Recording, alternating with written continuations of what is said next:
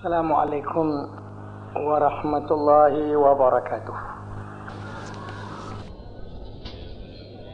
بسم الله الرحمن الرحيم الحمد لله بالعالمين والصلاة والسلام على أشرف المرسلين سيدنا محمد وعلى آله وصحبه أجمعين.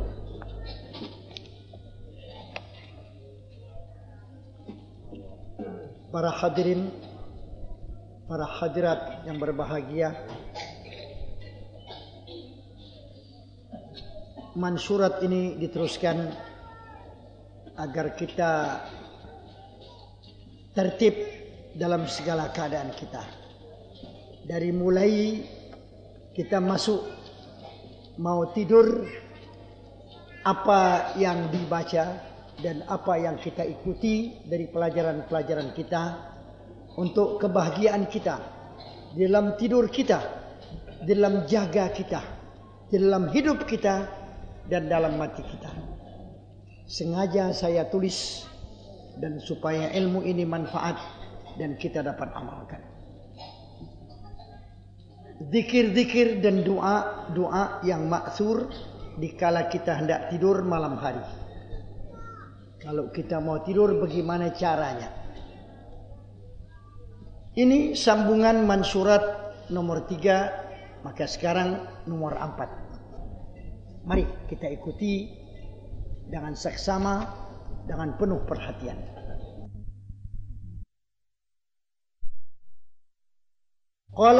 Ta'ala inna fi khalqis samawati wal ardi wa ikhtilafil laili wan nahari la ayatin li ulil albab alladzina yadhkuruna Allah qiyaman wa yatafakkaruna fi khalqis samawati wal ard sampai akhirnya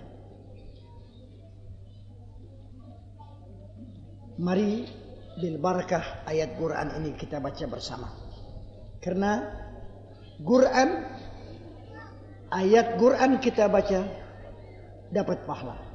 Kita pandang mata kita melihat mushaf dapat pahala. Dari itu yang paling baik, yang paling mulia, yang paling afdol. Kalau kita sampaikan Ayat-ayat Quran itu baca dulu lafadznya. Qurannya baru terjemahnya. Jadi kalau baca Qurannya terjemahnya saja, ini tidak mukjiz karena Quran itu mukjiz lafadznya. Lafadznya itu kalau kita baca satu harap sepuluh kebajikan. Dari itu kalau seorang mengajar atau pidato atau mubalighah-mubalighah yang berpidato atau bapak-bapak dan siapa saja baik sekali. Kalau sudah baca ayat Quran baru baca maknanya. Seperti kita mau baca wadakir fa inna dzikra tanfa'ul mu'minin. Ah baru maknanya. Kasih peringatanlah atau kasih ingatlah karena peringatan itu manfaat bagi orang yang beriman jadi sesudah baca lafadznya baca maknanya. Jadi jangan baca maknanya saja, lapatnya kita tidak baca. Ini lama-lama kalau udah banyak begini modelnya, lama-lama huruf-huruf Quran ini nggak ada harganya lagi, saudara. Karena maknanya aja berfirman Allah Taala dengan maknanya. Berpeganglah olehmu dengan tali Allah sekalian dan janganlah kamu bercerai-berai. Nah, jadi waktasimunya lama-lama nggak ada. Kalau ini waktasimunya habis, habis nih Quran saudara. Baca biarin lamaan dikitnya apa? Waktasimu bihablillahi jami'an wala tafarraqu. Berpeganglah kamu dengan tali Allah sekalian, jangan kamu bercerai-berai kuntum khaira ummatin ukhrijat linnas. Ta'muruna bil ma'ruf wa tanhauna 'anil munkar. Kamu paling baik umat karena kamu merintah kebajikan dan menegah atau melarang kejahatan. Jadi Allah taala berfirman hendaklah kamu jadikan umat yang memerintah kebajikan dan memerintah kejahatan. Saudara, lapat yang begitu mulia tidak usah ditinggal. Baca dulu lapatnya, baru maknanya saudara. Kenapa? Sebab orang baca Quran, Nabi bilang, "Man al-Qur'ana falahu bi kulli harfin hasanah." Wa fi riwayah, "Man kitab Allah falahu bi kulli harfin hasanah." La agulu alif lam mim harfun, alif harfun, lam harfun, wa mim harfun. Siapa baca kitab Allah Quran, tiap-tiap itu ialah mendapat satu kebajikan. Man qara kitab Allah falahu bi kulli harfin hasanah. La agulu alif lam mim harfun. Alif harf. Lam harf, mim harf. Jadi alif lam mim tiga huruf. Jadi tiga puluh kebajikan dari Allah Subhanahu wa taala. Alif harf. Wal hasanatu bi asyri amthaliha. Satu kebajikan dibalas sepuluh. Jadi kalau alif lam mim udah dapat tiga puluh kebajikan. Jadi ke mana lagi mau nyari keuntungan yang lebih besar dari ini? Kan tidak ada. Nah, jadi mudah-mudahan Jangan dibiasain membaca firman Allah maknanya saja. Jadi ayatnya nggak dibaca. Allah Ta'ala berfirman dengan maknanya. Marilah ya berpegang dengan tali Allah. Beramai-ramai jangan kamu bercerai-berai. Jadi baca dulu wa'tasimu bihablillahi jami'an baru baca wala tafarraqu. Karena ini Quran mukjiz. Ini Quran al-muta'abbadu bitilawatih. Dijadikan ibadat dengan bacanya. Kita baca aja. Bismillahirrahmanirrahim. Itu berapa besar pahalanya? Alhamdulillahi Rabbil Alamin. Uh, satu harap, satu harap itu. Macam mana besar pahala dari Allah Ta'ala. Jadi jangan biasain baca maknanya tapi lapatnya kita tinggalkan. Inilah mudah-mudahan kita biasain baca lapatnya baru kasih dia punya maknanya. Nah, karena adab dengan Quran, karena ini kalam Allah yang mukjiz. Mukjizat Nabi Al-Khalidah yang kekal, yang sampai sekarang tidak ada perubahan. Bacalah, cintailah, bacalah saudara. Karena sekarang mulai orang-orang nggak mau ajarin anaknya Quran. Jadi cukup aja anak bisa huruf Latin. Baca Quran nggak bisa. Kalau disodorin Quran, anaknya udah balik, umur 14 tahun, nggak bisa baca Quran. Ini musibah yang besar. Bapaknya muslim, ibunya muslimah, anaknya nggak bisa baca Quran. Bagaimana cucu kita? Anak kita udah begitu jauh. Yang keja nggak bisa baca Quran, ibunya sama bapaknya yang tega dan kejam bunuh fitrah anaknya. Kejam betul seorang bapak dan ibu yang bunuh fitrah anaknya. Kejam betul bapak dan ibu yang Yahudikan anaknya dan Nasronikan anaknya dan Majusikan anaknya. Yang kata siapa? Nabi yang sabdakan. Yang mengatakan bahwa bapak dan ibu yang kejam menyahudikan anaknya dan menasronikan. Nabi bersabda, "Kullu mauludin yuladu alal fitrah." Fa'abawahu yuhawidanihi au yunasiranihi au yumajisanihi. Semua anak dilahirkan suci. Bagikan kain putih keluar dari pabrik. Tidak ada nodanya. Itu anak yang lahir. Macam itulah kain putih. Yang kerja kotor. Yang kerja jadi Yahudi dan Nasrani. Fa'abawahu ibu dan bapaknya. Yuhawidanihi meyahudikan keduanya. Au yunasiranihi menasranikan keduanya. Au yumajisanihi atau memajusikan keduanya. Jadi yang kerja dia majusi, yang kerja dia Yahudi, yang kerja dia Nasrani, ibunya, bapaknya yang kejam. Yang kerja anak kita nggak bisa baca Quran, bapak sama ibu. Ah, sampai hatikah ibu? Sampai hatikah ibu? Matikan hubungannya kepada Tuhan dan fitrahnya dihapus oleh abahnya dan ibunya.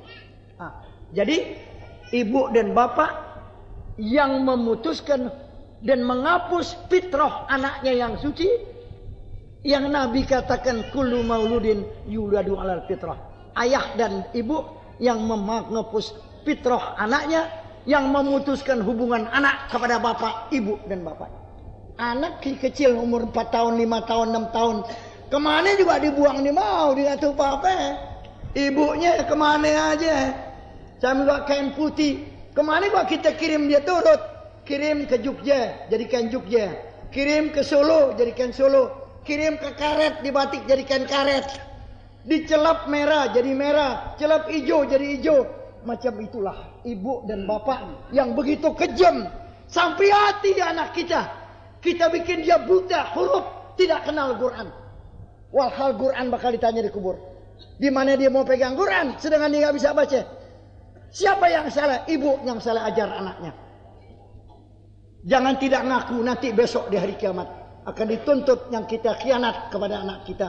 Kita tidak berikan didikan agama yang betul sampai dia keluar dari agama menjadi Yahudi dan Nasrani.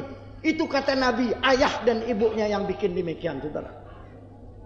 Jadi ini Quran biar anak kita cinta, biar anak kita baca. Coba saudara, jalan satu RT dari sana kemarin, maghrib, rumah petak rapat, sini rumah, sini rumah nih gang, satu RT, nggak ada suara Quran. Kalau ada juga barangkali satu rumah atau dua rumah. Pantas kalau penghuninya muslim keluar dari rumah petak suara Quran. Imam kita bakal ditanya di kubur. Pemberi syafaat besok di hari kiamat. Orang yang baca. Apa yang terdengar? Satu RT panjang. Apa yang kita dengar? Apa yang orang kerubutin? Yang dikerubutin maghrib apaan? Mana anak kita duduk? Bacaan in un ban bin bun tan tin tun kolot. Begitu tetangga kita kata. Udah gini hari masih an in un aja. Tuh. Nggak ada coba saudara jalan. Jajal coba sebentar malam. Panjang. Ada yang an in un ban bin bun. Ada nenek-nenek yang baca wujud. Artinya ada. Maka mustahil tiada. Dalilnya firmanullah taala Allahul ladzi khalaqas samawati wal arda. Allah yang jadikan langit dan bumi. Kidam artinya sedia. Itu udah nggak ada lagi nenek-nenek yang belajar baca wujud. Dulu bener orang yang nggak kenal huruf belajar wujud. Wajib, mustahil, jais.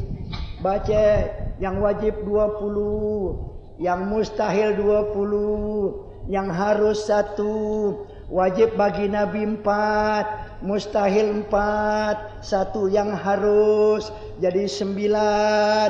Terus masuk yaitu di mana asyhadu alla ilaha illallah wa asyhadu anna muhammad rasulullah. Udah nggak ada lagi yang baca-baca. Dulu dengar wujud artinya ada maka mustahil tiada sekarang nggak ada. Orang nenek-neneknya udah nggak sempat pada dandan lulu. Jadi susah. Ada nenek-nenek pakai sepan. Jadi nggak buru baca wujud. Jadi ini satu zaman yang luar biasa dicoba. Nah sepanjang jalan nggak dengar apa-apa. Rumah orang Islam nggak ada suaranya, nggak ada suara Quran. Radionya nggak mau berbunyi Quran. Radionya nggak mau dia putar berantem bapak sama anak. Oh, anaknya mau setel ini dia mau setel ini. Hmm, kudu beli biar banyak saudara. Ini buat anak ini buat gue. Gitu saudara. Jadi jangan kita dikeleceh ya mana kita. Nah kita udah tua. Masih denger jegur jegur jegur jegur jegur. Udah. Jadi kita biar dengar Quran. Biar dengar nasihat. Nih enggak saudara. Ah inilah.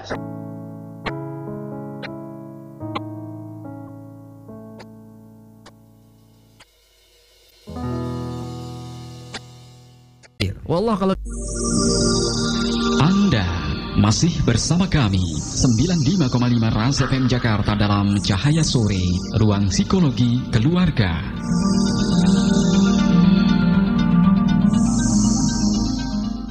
Baik sahabat Ros FM dari Geraha Arsidia Jalan Kiai Abdullah Syafi'i nomor 21A Tebet Jakarta Selatan masih bersama saya Taufik dan Ibu Hajah Aisyah Ridho Master Psikologi dari Biro Psikologi Intek Prima Mulia. Dan sahabat Ros FM bisa berpartisipasi di acara ini melalui telepon di 8291710 atau SMS ke 0817 195 955 tentang perkembangan psikologi anak. Baik, kita lanjutkan Ibu Aisyah mengenai uh, faktor-faktor yang menguasai anak uh, dalam keterampilan ya. Ya. Baik, mungkin bisa dilanjutkan kembali. Ya, selain penguasaan keterampilan uh, yang telah tadi kita bahas, uh, ada juga kemajuan-kemajuan lain yang dialami oleh anak pada usia 6 sampai matang secara seksual ini. Ya. Pertama adalah uh, atau salah satunya adalah kemajuan dalam berbicara.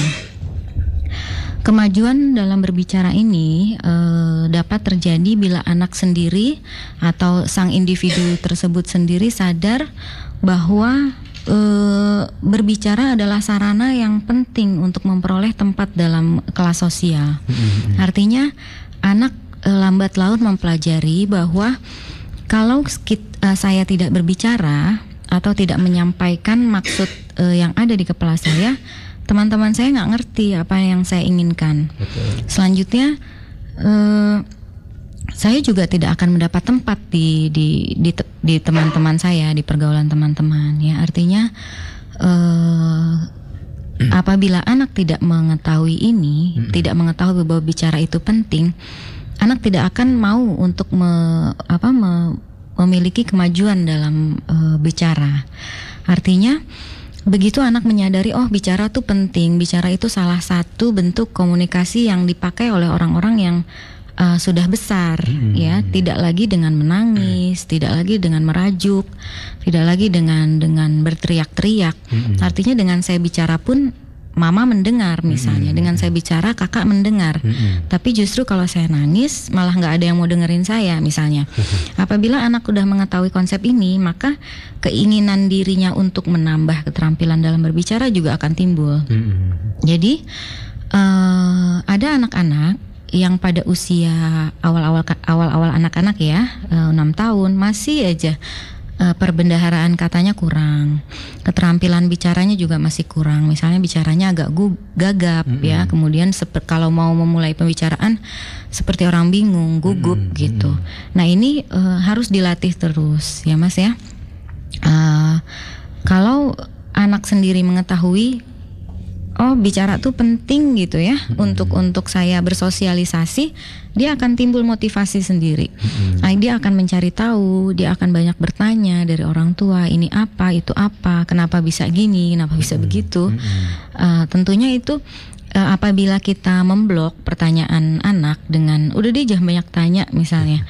Nah, ini uh, akan meredakan menyurutkan motivasi anak. Mm -hmm. Jadi sebisa mungkin pertanyaan-pertanyaan anak dijawab ya dengan uh, apa eh, kata-kata atau kalimat yang bisa diterima oleh dia. Mm-hmm. Bukan jawaban kita juga lebih sulit dari pertanyaan yang diajukan. Anak bukannya mengerti, akhirnya malah bingung. Mm-hmm. Kemudian selain mengetahui bahwa bicara itu penting, anak juga harus mengetahui bahwa inti dari komunikasi itu adalah bahwa uh, anak mampu mengerti apa yang disampaikan orang lain kepada dia. Mm-hmm. Kemudian juga bahwa orang lain mengerti apa yang dia sampaikan. Nah, apabila dua arah ini sudah sudah terbentuk uh, dan anak merasa bahwa dengan melakukan ini, dengan berkomunikasi dengan bicara ini ternyata lebih efektif ya. Ternyata mm-hmm. uh, mama bisa lebih mendengar, mm-hmm. papa bisa lebih ngerti maksud saya. Mm-hmm. Uh, oleh karena itu, apabila ada adik kita atau anak kita yang masih saja menggunakan simbol-simbol dalam bicara, misalnya mm-hmm. mau susu, mm-hmm. ditunjuk botol susunya, kita kemudian meneruskan saja. Jadi kita udah ngerti maksud dia minta susu ya, kemudian kita bikin, uh, kita buatkan.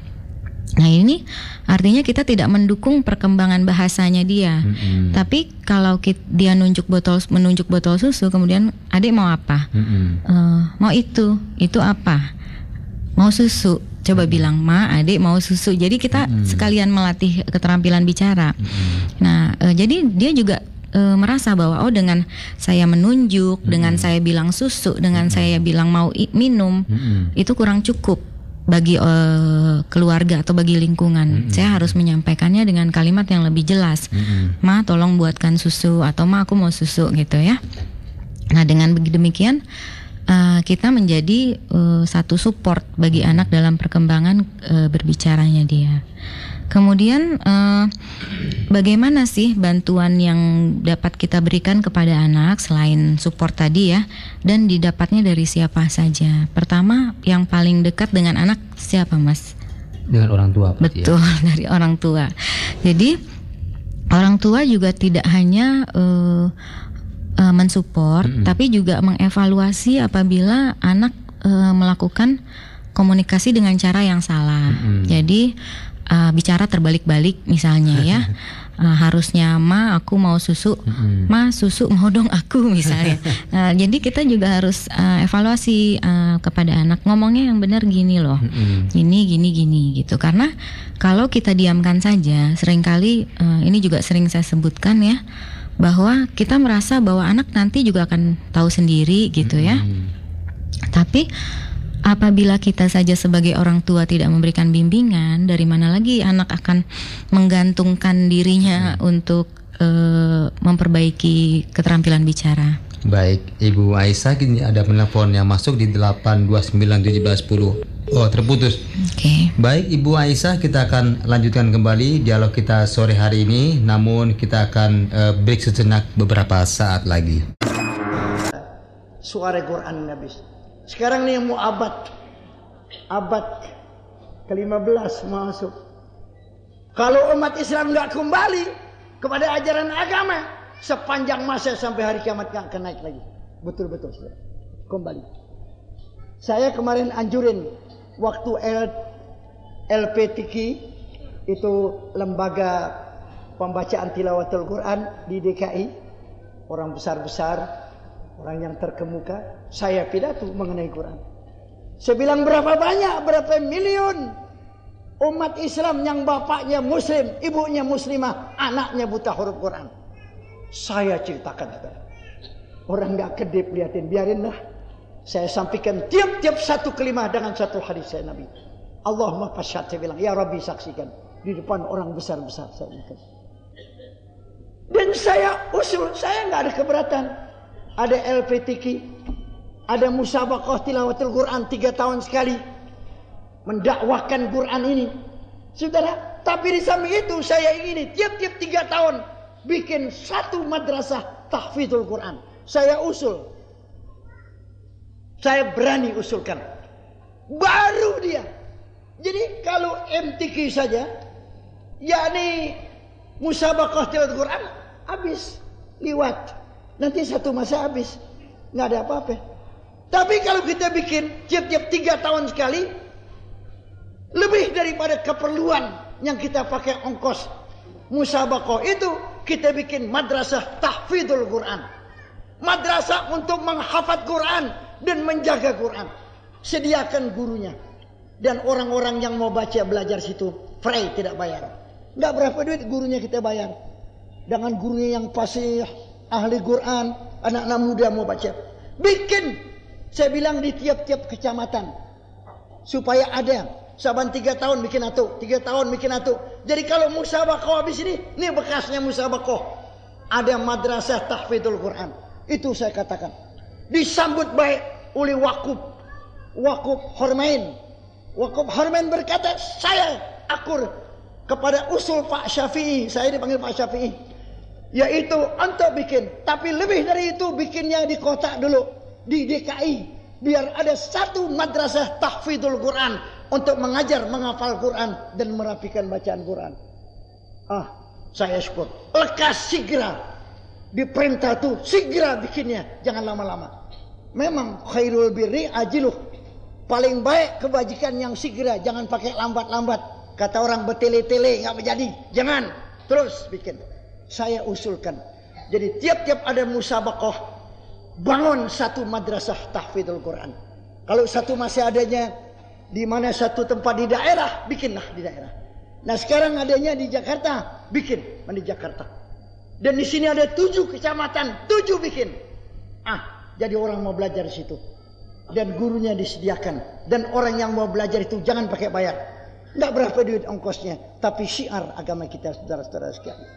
Nah, jadi saudara-saudara sekalian, yaitu musabaqah Quran ini yaitu bermanfaat kalau ini ada bekas daripada yang demikian untuk syiarnya agama pada masa yang akan datang buat generasi yang akan datang belajar Quran saudara-saudara sekalian. Ini saya usulkan karena terlalu banyak orang yang tidak bisa baca Quran. Bapaknya sudah tidak berikan pelajaran lagi. Anaknya tidak berikan lagi.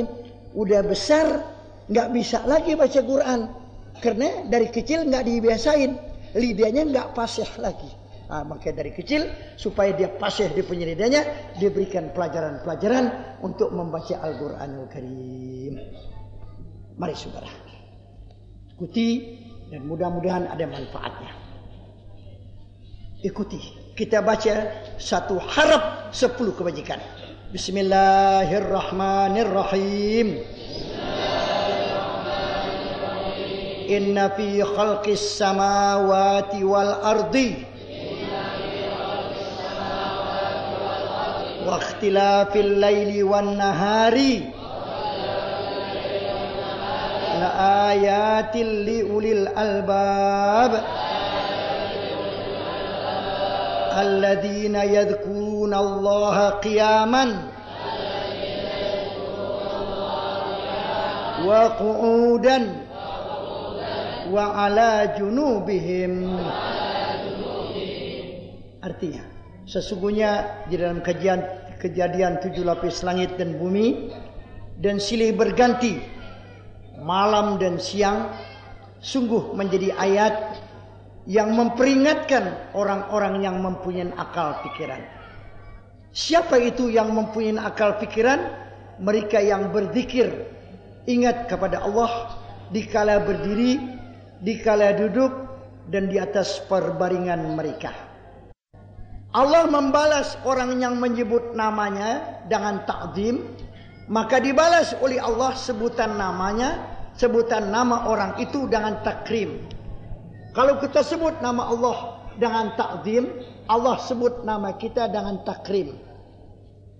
Jadi kita baca, Ya Allah, Ya Latif, pasalan. Ya Allah, Ya Rahman, Ya Rahim.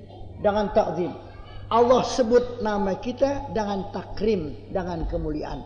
Jadi siapa yang sebut nama Allah, Allah sebut namanya firman Allah fadkuruni adkurkum artinya sebutlah olehmu namaku dengan takzim dengan mengerjakan perintahku niscaya aku sebut namamu dengan kemuliaan itu tafsirnya fadkuruni bitakzim adkurkum bitakrim katanya dalam setengah kitab di dalam kitab Miftahul Imdad fadkuruni ay bitakzim adkurkum ay bitakrim Sebut namaku dengan kebesaran, niscaya aku sebut namamu dengan kemuliaan. Jadi kita sebut nama Allah dengan kebesarannya, Allah sebut nama kita lagi dengan kemuliaan. Dan dalam hadis Qudsi bersabda Rasulullah sallallahu alaihi wasallam Allah berfirman menggunakan lidah Nabi Man dakarani fi nafsihi dakartuhu fi nafsi Wa man dzakarani fi malain dzakartuhu fi malain khairun min malaih. Baca rame-rame, saudara hadis ini. Gala Rasulullah sallallahu alaihi wasallam Man dzakarani fi nafsihi dzakartuhu fi nafsi. Wa man dzakarani fi malain dzakartuhu fi malain khairin min malaihi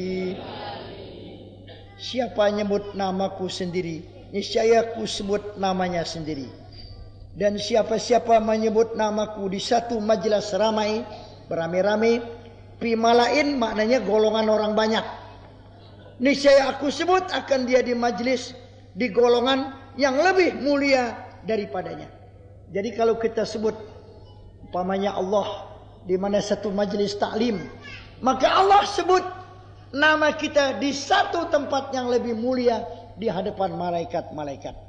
Atau di mana masjid kita sebut Allah Taala sebut di langit yaitu tempat malaikat banyak yaitu lebih baik daripada majlis kita yaitu di kumpulan malaikat mulia yaitulah di mana langit malaikat yang banyak Allah sebut nama kita orang yang demen namanya disebut-sebut girang kalau orang besar sebut nama kita selalu di atas katanya diperbincangkan terus selalu sering dibicarakan bangga orang itu kenapa namanya disebut oleh orang atasan kenapa kita nggak girang nama kita disebut oleh Allah dan oleh malaikat Pantas kita lebih girang Allah yang sebut.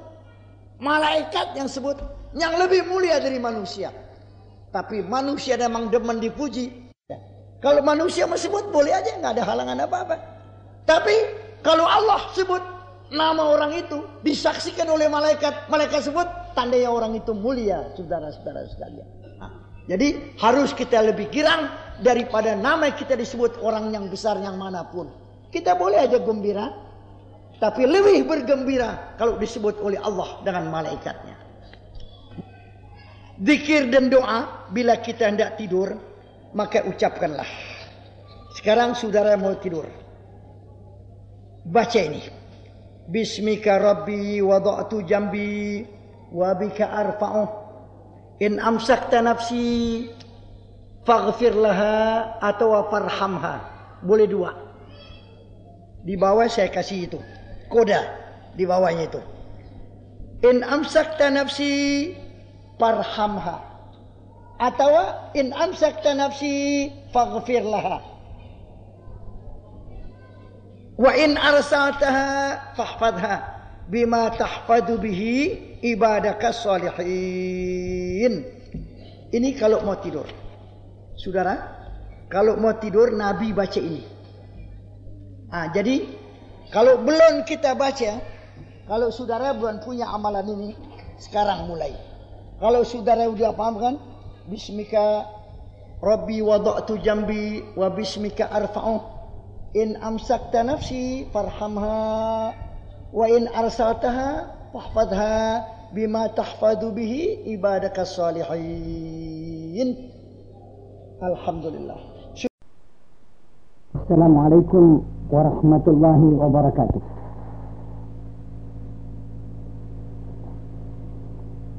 الحمد لله رب العالمين والصلاة والسلام على أشرف المرسلين سيدنا محمد وعلى آله وصحبه أجمعين. أما بعد فإن أصدق الحديث كتاب الله تعالى وخير الهدي هدي سيدنا محمد صلى الله عليه وسلم وشر الأمور محدثاتها وكل محدثة بدعة وكل بدعة ضلالة وكل ضلالة في النار. قال الله تعالى في كتابه العزيز والله يدعو إلى دار السلام ويهدي من يشاء إلى ila siratil Selamat dan berbahagia menikmati nikmat Allah yang tak terhingga bilangan banyaknya. Semoga Allah karuniai kita taufik wal hidayah beserta inayah yang terus menerus yang dapat memudahkan bagi kita bersama untuk mensyukuri nikmatnya yang tak terbilang banyaknya itu. Saudara-saudara sekalian, sungguh kesayangan Allah. Allah maha kasih sayang kepada hambanya. Allah panggil hambanya untuk mendapat bahagia daripadanya. Untuk selamat kelak di negeri hari kiamat masuk ke dalam syurga. Untuk jauh daripada seksanya Allah subhanahu wa ta'ala. Yaqulullahu ta'ala fi kitabihil aziz. Wallahu yad'u ila daris salam. Wa yahdi man yasha'u ila suratin mustaqim. Allah Ta'ala panggil umat. Allah Ta'ala silahkan umatnya hamba Allah kepada Darussalam kepada negeri sentosa dan selamat kepada surga yang nikmatnya abadi selama-lamanya. Dan Allah Ta'ala memberi petunjuk orang yang dikehendaki kepada jalan yang lurus yang membahagiakan jalan itu di dunia dan menyelamatkan dia kelak di negeri akhirat. Saudara-saudara sekalian, sungguh Nabi memang sangat sayang kepada umatnya. Dan Allah sangat kasih sayang kepada hambanya. Nabi katakan dalam salah satu hadisnya bahwa umatnya semua akan masuk surga kecuali yang tidak mau. Nabi pernah sabdakan di hadapan para sahabatnya, "Kullu ummati yadkhuluna al-jannata illa man aba." Ya Rasulullah, wa man ya'ba? Gala man ata'ani dakhala jannah wa man asani faqad aba. Atau kama qala Nabi sallallahu alaihi wasallam. Sekalian umatku kata Nabi akan masuk ke dalam surga. Uh, umat semua akan masuk ke dalam surga. Kecuali yang tidak mau. Ini ada illah. Diistisnakan. Dikecualikan. Ada orang yang tidak mau masuk surga. Walhal Nabi katakan umatku semua isi surga. Kecuali yang tidak mau masuk surga. Saudara, waktu Nabi bersabda demikian di depan para sahabat, sahabat memajukan pertanyaan. Ya Rasulullah, wala ya'ba. Hai Rasulullah, siapa yang tidak mau masuk surga? Rupanya para sahabat ini terheran-heran. Ada orang yang tidak mau masuk surga itu suatu barang yang ajaib sekali. Satu barang yang aneh sekali. Orang tidak mau masuk surga. Jawabnya Nabi, orang yang taat kepada aku, patuh menjunjung perintah aku, mereka lah yang akan masuk ke dalam surga. Tetapi orang yang menentang, yang tidak menjunjung perintah aku, dialah orang yang tidak mau masuk surga. Saudara-saudara sekalian, begitu singkat jawabnya Nabi. Penuh jangan jawami'ul kalim luas sekali dia punya artinya. Tidak panjang jawabnya Nabi. Siapa yang taat kepada aku, dialah orang yang mau masuk surga. Siapa yang tidak turut perintah aku, dialah yang tidak mau. Begitu jawabnya Nabi singkat. Tapi jawami oleh sekali. Tuhan telah berikan pada apa yang disabdakan oleh Nabi. Maknanya luas sekali. Saudara, belum kita dengar manusia berkata, aku tidak mau masuk surga. Alhamdulillah kita tidak dengar perkataan itu. Sampai saat ini. Tidak ada orang berkata, aku tidak mau masuk surga. Belum orang katakan. Akan tetapi, lisanul hal absah min lisanil magal. Hal kita, keadaan diri kita, dan pribadi kita itu lebih fasih daripada ucapan kita. Meskipun kita tidak ucapkan bahwa kita tidak mau masuk surga, kita tidak ucapkan, namun tatkala anggota kita menentang, melawan, tidak mau menjunjung perintah Nabi, seolah-olah ini sudah berkata dari kepala sampai kaki, kami tidak mau masuk surga. Meskipun mulut itu bungkam, seribu kali bungkam, tidak berkata, tapi sekujur badan dari kepala sampai kaki berkata kami tidak mau masuk surga. Begitulah kekuatan lisanul hal absah min lisanil magal. Tidak usah diucapkan di lidah, setekala anggota kita berpaling, setekala anggota kita enggan, setelah anggota kita tidak sambut apa yang Nabi sabdakan dan perintahkan itu, daripada ialah perintahnya, maka orang itulah sekujur badannya telah menjawab dengan tegas bahwa dia tidak mau masuk ke dalam surga. Tidak usah diucapkan dengan lidah karena lisan pribadi lebih fasih daripada lidah yang sebenar-benarnya dari mulut kita. Jadi itulah Saudara-saudara sekalian, dapat kita lihat yang taat kepada Allah, orang itu yang mau masuk surga. Ketika tidak taat kepada Allah, tidak taat kepada Rasulullah, perintahnya yang disyariatkan oleh Nabi kita, disampaikan, mereka itu tidak mau mengerjakannya, mereka itulah menjawab bahwa kami tidak mau masuk surga. Tidak usah dijawab dengan lidah, tapi dijawab dengan pribadi seluruhnya, bahwa dia yang sebetulnya tidak mau masuk surga. Saudara-saudara pendengar yang terhormat lagi berbahagia. Surga sebagai darun naim. Negeri yang akan dibalas oleh Allah hamba-hambanya. Yaitulah jannat hadaiqa wa basatin taman yang indah. Kebun yang teratur yang mempunyai buah buahan yang tak ada putus-putusnya. Mahligai yang sangat indah. Sungai-sungai yang mengalir. Tak dapat manusia gambarkan. Pernah ada yang menanya surga itu sudah dibikin oleh Tuhan apa belum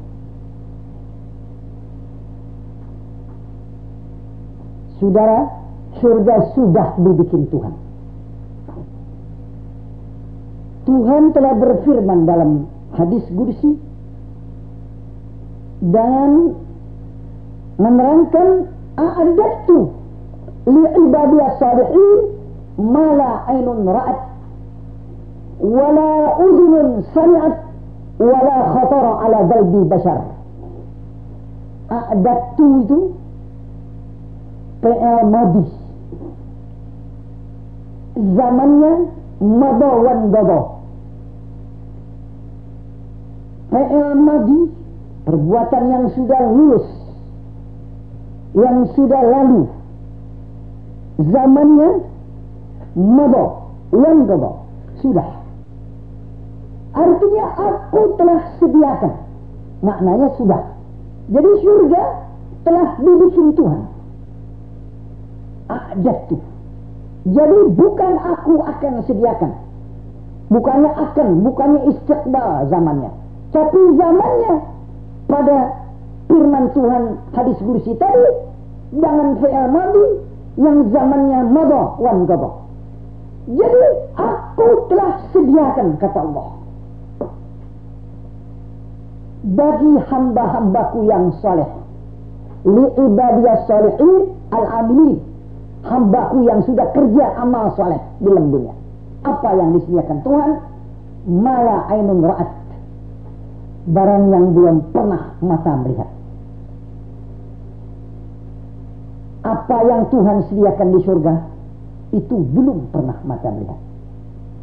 Wala udhunun sami'at. Belum pernah telinga mendengar segala bunyi-bunyian yang merdu wala khatara ala galbi bashar. Belum pernah terlintas di hati manusia.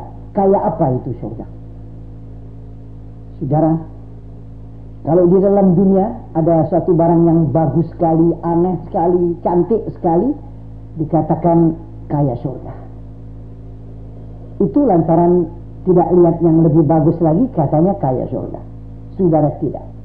Sekali lagi tidak. Tak dapat Bagaimana nikmat surga?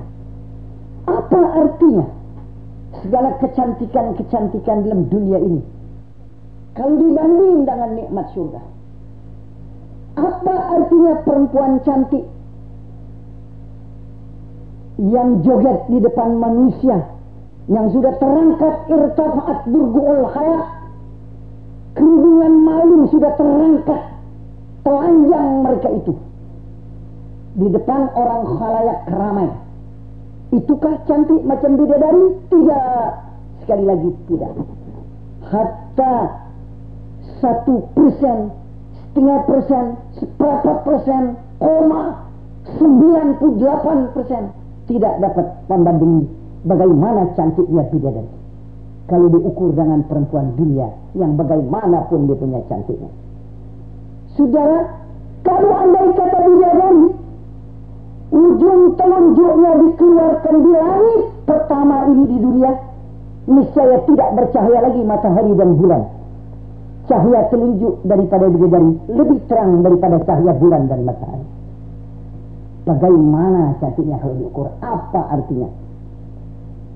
Kalau Nabi telah katakan, kalau kamu mau coba ukur dunia dengan akhirat, celupkanlah ujung jarimu, telunjukmu di lautan.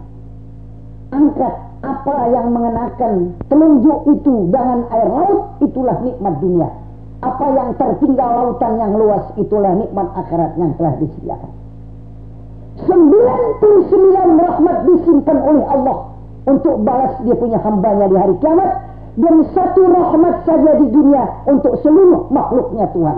Saudara gambarkan, Tuhan mempunyai mi'atu rahmat, seratus rahmatnya.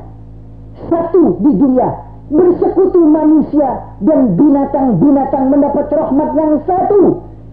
Itu sampai kerbau, kuda tidak injak anaknya karena ada rahmat yang Tuhan taruhkan dalam hatinya itu. Dan semua makhluk dari zaman dahulu sampai hari kiamat hanya satu rahmatnya Allah meliputi untuk semua makhluknya dan disimpan oleh Allah 99 rahmat Allah Ta'ala akan rahmatkan hambanya besok masuk ke dalam surganya Tuhan kalau mau diukur rahmatnya Allah terhadap hambanya. Satu rahmat untuk seluruh makhluk Tuhan dari dulu sampai hari kiamat. 99 disimpan. Allah Ta'ala yarhamu ibadahu yaumal qiyamah. Masukkan ke dalam surganya. Mendapat 99 rahmatnya Tuhan. Di lain hadis Nabi sabdakan. Mad dunia fil akhirati illa mislu an yaj'ala ahadukum usbu'ahu fil yammi falyanzur bima yarji'u au kama qala Nabi katakan tidak ada ini dunia kalau dibanding dengan akhirat melainkan seperti seorang kamu menyelupkan telunjuknya di lautan kemudian diangkatnya apa yang mengenakan telunjuknya air laut itu itu dunia dan yang setinggalnya lautan yang tidak ada hingganya airnya itu itu nikmat akhirat akan diberikan oleh Allah besok dalam surganya Allah Subhanahu wa taala. Saudara-saudara sekalian, tapi manusia yuhibbunal ajilah. Suka yang segera. Suka yang kontan. Dan dia tinggalkan yang tempo, yaitu yang nanti negeri akhirat. Dia suka yang kontan, yang sekarang. Yang di akhirat dijanjikan Tuhan, yang pasti akan datang masanya. Tapi manusia tidak tertarik dengan yang demikian, saudara. Silau dengan dunia yang tak ada arti sama sekali. Seperti sarok, ini bayangan air disorot oleh matahari di mana musim panas tengah hari seperti bayangan air. Orang yang haus mengirakan itu air, tapi hanya bayangan air. Kita paranin tidak ada apa-apa. Itulah nikmat dunia yang ada sekarang ini. Saudara-saudara sekalian. Jadi, ada orang yang mau masuk surga dan ada orang yang tidak mau masuk surga. Walhal Allah telah panggil Wallahu yad'u ila salam. Tidak ada di dalam Quran Wallahu yad'u ila nar. Tidak ada. Wallahu yad'u ila nari jahannama. Tidak ada. Wallahu yad'u ila jahannam. Tidak ada. Wallahu yad'u ila nar. Tidak ada. Tapi wallahu yad'u ila salam wa yahdi man yasha'u ila siratil mustaqim. Bagaimana sayangnya Allah terhadap hambanya. Selalu dipanggil kita untuk berbahagia di mana negeri akhirat nanti. Sabarlah dalam keberatan apa yang kita pikul di dalam menjunjung syariatnya Allah Subhanahu wa taala. Saudara-saudara. Memang tidak pantas kalau umat Islam terkebelakang dari umat yang lain. Karena umat Islam satu umat yang sempurna mempunyai konun yang sempurna dari Allah. Tapi banyak sudah meninggalkan ganu yang digariskan oleh Allah dan Rasul. Menyeberang kepada konun-konun yang dibikin oleh manusia yang cepat berubah dan cepat habis dan hilang. Ta'akhur muslimin disebabkan umat muslimin ikut akhlak-akhlak yang sudah rusak. Tidak mempertahankan akhlak samawi akhlak langit yang dibawa oleh Nabi. Tidak ada orang yang sempurna lebih daripada Nabi. Tidak ada akhlak yang lebih dibawa oleh Nabi daripada akhlak apa pun dalam dunia ini jadi akhlak samawi akhlak yang dibawa oleh Nabi diberikan melalui malaikat Jibril sampai Nabi mempunyai akhlak yang tinggi sekali. Nabi mempunyai budi pekerti yang tinggi sekali dan yang besar sekali. Nabi telah sabdakan dalam adatnya dan akhlaknya. Adabani Rabbi fa'ahsana ta'dibi. Yang ajar adab kepada aku Tuhanku. Dari itu bagus adabku. Ini adab yang diheransikan kebaikannya. Tapi dikatakannya sudah kolot adabnya. Sudah tidak sesuai lagi. Di mana zaman yang sudah begini majunya katanya. Maka adab yang Nabi bawa adab samawi. Akhlak yang Nabi bawa memberikan contoh kepada seluruh manusia menjadi uswatun hasanah. Tidakkah Allah firmankan dalam Quran, "Wa innaka la ala khuluqin azim."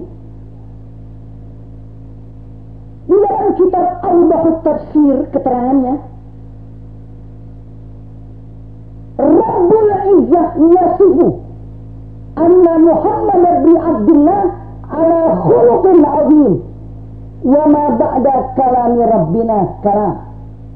Begitu komentar yang disampaikan di dalam kitab Audahut Tafsir. Rabbul Izzah Tuhan yang maha mulia Yasifu dia yang mensifatkan anna Muhammad bin Abdullah ala khuluqin azim. Bahwasanya Nabi Muhammad ibni Abdullah di atas budi pekerti yang besar. Allahul Azim sama khuluqan Nabi aziman. Allah yang maha besar pencipta alam semesta dia yang mengatakan Allah di atas perangi yang amat besar. Fama ba'da Rabbina Ba'da kalami Rabbina kalam. Kalau Allah sudah bercakap Tidak ada satu kalam Satu percakapan yang dapat menindi firmannya Tuhan. Sekalipun semua manusia dalam dunia kumpul Untuk mengimbangi firman Tuhan Tidak dapat diimbanginya Karena Allah yang menciptakan alam semesta Dia yang mengatakan akhlak Nabi itu besar. Wa min jumlati akhlaqin nabi al-ilm wal hilm والشجاعة والجود والكرم والعفة dan seterusnya daripada akhlak Nabi yang luar biasa saudara-saudara sekalian lihat bagaimana syajaahnya Nabi tak ada orang lebih berani daripada dia lihat syukurnya Nabi kepada Allah hatta tawarramat gadamahu min tulil qiyam. Wa fi ba'd hatta tastafattara qadamahu min tulil qiyam. Sampai Aisyah berkata waktu kakinya bengkak lima tasma'u hakala wa qad laka ma taqaddama min dambika ma ta'akhkhara Kenapa kau berbuat sampai bengkak kau punya kaki sembahyang sunat di waktu malam walhal Allah telah ampuni dosamu yang terdahulu dan yang terkemudian maka kata Nabi apala uhibbu an akuna abdan syakura apakah aku tidak berterima kasih kalau aku dinamai hamba yang banyak syukur dan pandai mensyukuri nikmat Allah. Begitu jawabnya Nabi. Manna tawarramat gadamahu min tulil Kami waktu dengar kami punya guru berpidato Al-Habibil Allamah Alawi bin Tahir Al-Haddad rahmatullah alaih di mana Bogor sana di depan khalayak ramai beliau mengambil satu hadis ini. Dia pidatukan tentang bagaimana kesyukuran Nabi kepada Tuhan sampai bengkak kakinya karena berdiri sembahyang bersyukur kepada Allah dia ucapkan dengan komentarnya manillah taramat gadamahu min tulilja manillah taramat gadamahu min tulilja tiga kali Habib Alwi bin Tahir mengucapkan man minna tawarramat gadamahu min tulilja menggerung manusia semua menangis menunduk kepalanya. Siapa daripada kita yang sampai bengkak kakinya karena lama berdiri sembahyang siapa daripada kita yang sudah mensyukuri nikmat Tuhan yang sampai bengkak dia punya kaki karena lama berdiri sembahyang di waktu malam? Di waktu dia tekan suaranya man minna tawarramat gada mau semua waktu itu menunduk kepala manusia meneteskan air mata. Memang belum kita mensyukuri nikmat Allah yang sebetul-betulnya. Bagaimana Nabi yang dinamakan Sayyidus Syakirin kalau ada manusia yang syukur kepada Tuhan yang banyak syukurnya maka Nabi Muhammad Sayyidus Syakirin kalau ada manusia di dunia yang banyak sabarnya Nabi Muhammad Sayyidus Sabirin kalau ada manusia yang paling takwa kepada Nabi, kepada Allah, maka Nabi Muhammad Imamul Muttaqin. Tak ada tandingnya saudara. Ini akhlak yang dibawa oleh Nabi kita Muhammad wasallam. Akhlak samawi, akhlak yang dari langit dibawa oleh Nabi kita Muhammad. Tak keliru lagi saudara. Bila mana akhlak ini kita ikuti. Dan bagaimana sabarnya Nabi Sujah wajhuhu syarif Dilukai mukanya yang begitu mulia Muka yang bersinar Ila surah Paka'anna wajhahu git'atu gamar Bahwa adwa'u minal gamar Iza tabassama kharaja nur Min sanayahu Wa iza takayama paka'annahu dur Sagata min fih Bagaimana cantiknya Nabi? Kalau dia berbicara bercakap seperti mutiara gugur daripada dia punya bibirnya itu. Kalau dia senyum keluar nur, mukanya ia kalbayar seperti bulan iza surra wajhu. Apabila iza surra dia senyum, pakana wajahahu atau gamar. Saudara, muka yang begitu mulia, muka yang begitu suci, suci wajhu syarif dilukai oleh lawannya, dipukul Nabi sampai berlumuran darah. Wa kusirat rubaiyatuh. Dibikin patah giginya. Dilontar dia punya giginya sampai patah. Pecah dia punya bibirnya. Dan keluar darah. Di waktu dia di mana Taif menyampaikan tablignya kepada orang Taif. Yang terakhir dia diusir dari sana.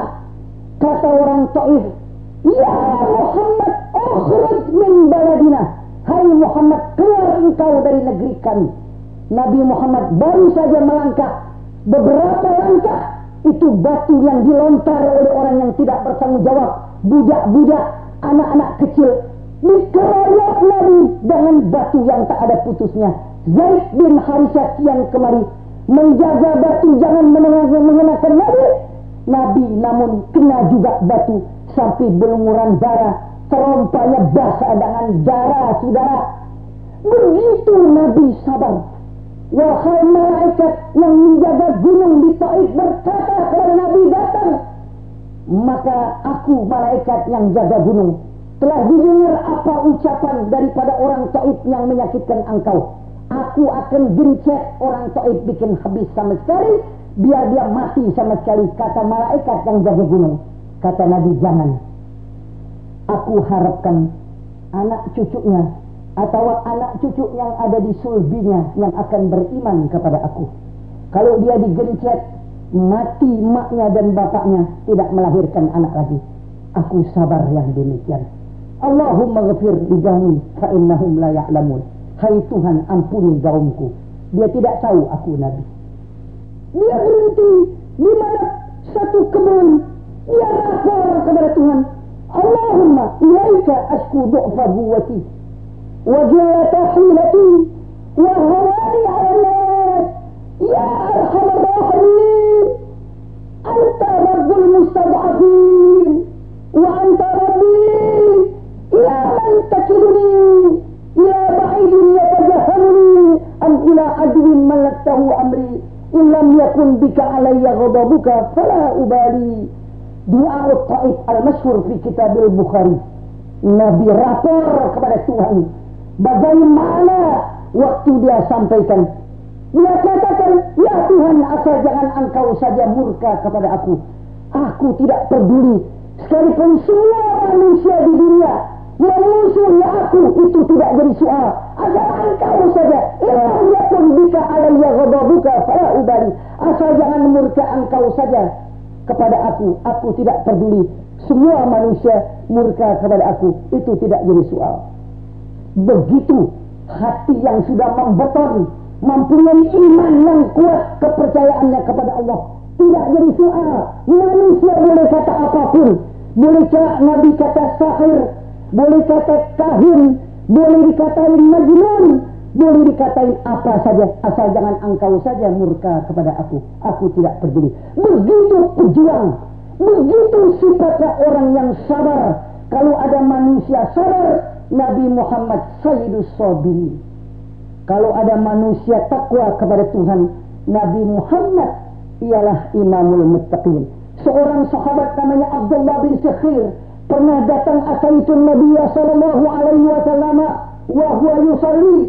Satu orang sahabat datang ke rumah Nabi dari samping rumahnya dia dengar Nabi Muhammad lagi sembahyang walahu azizun ka'azizil mirjal minal buka dia dengar dari samping rumahnya terdengar suara macam periuk yang mendidih airnya. Macam suara air yang mendidih dalam periuk.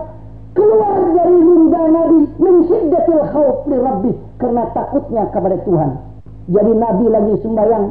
Di waktu malam terdengar suara menggolak seperti air yang mendidih dalam periuk. Begitu terdengar dari rungga Nabi min syiddatil khawf li rabbih. Karena takutnya kepada Tuhan. Walhal Nabi telah sempurna daripada makhluknya Allah subhanahu wa ta'ala.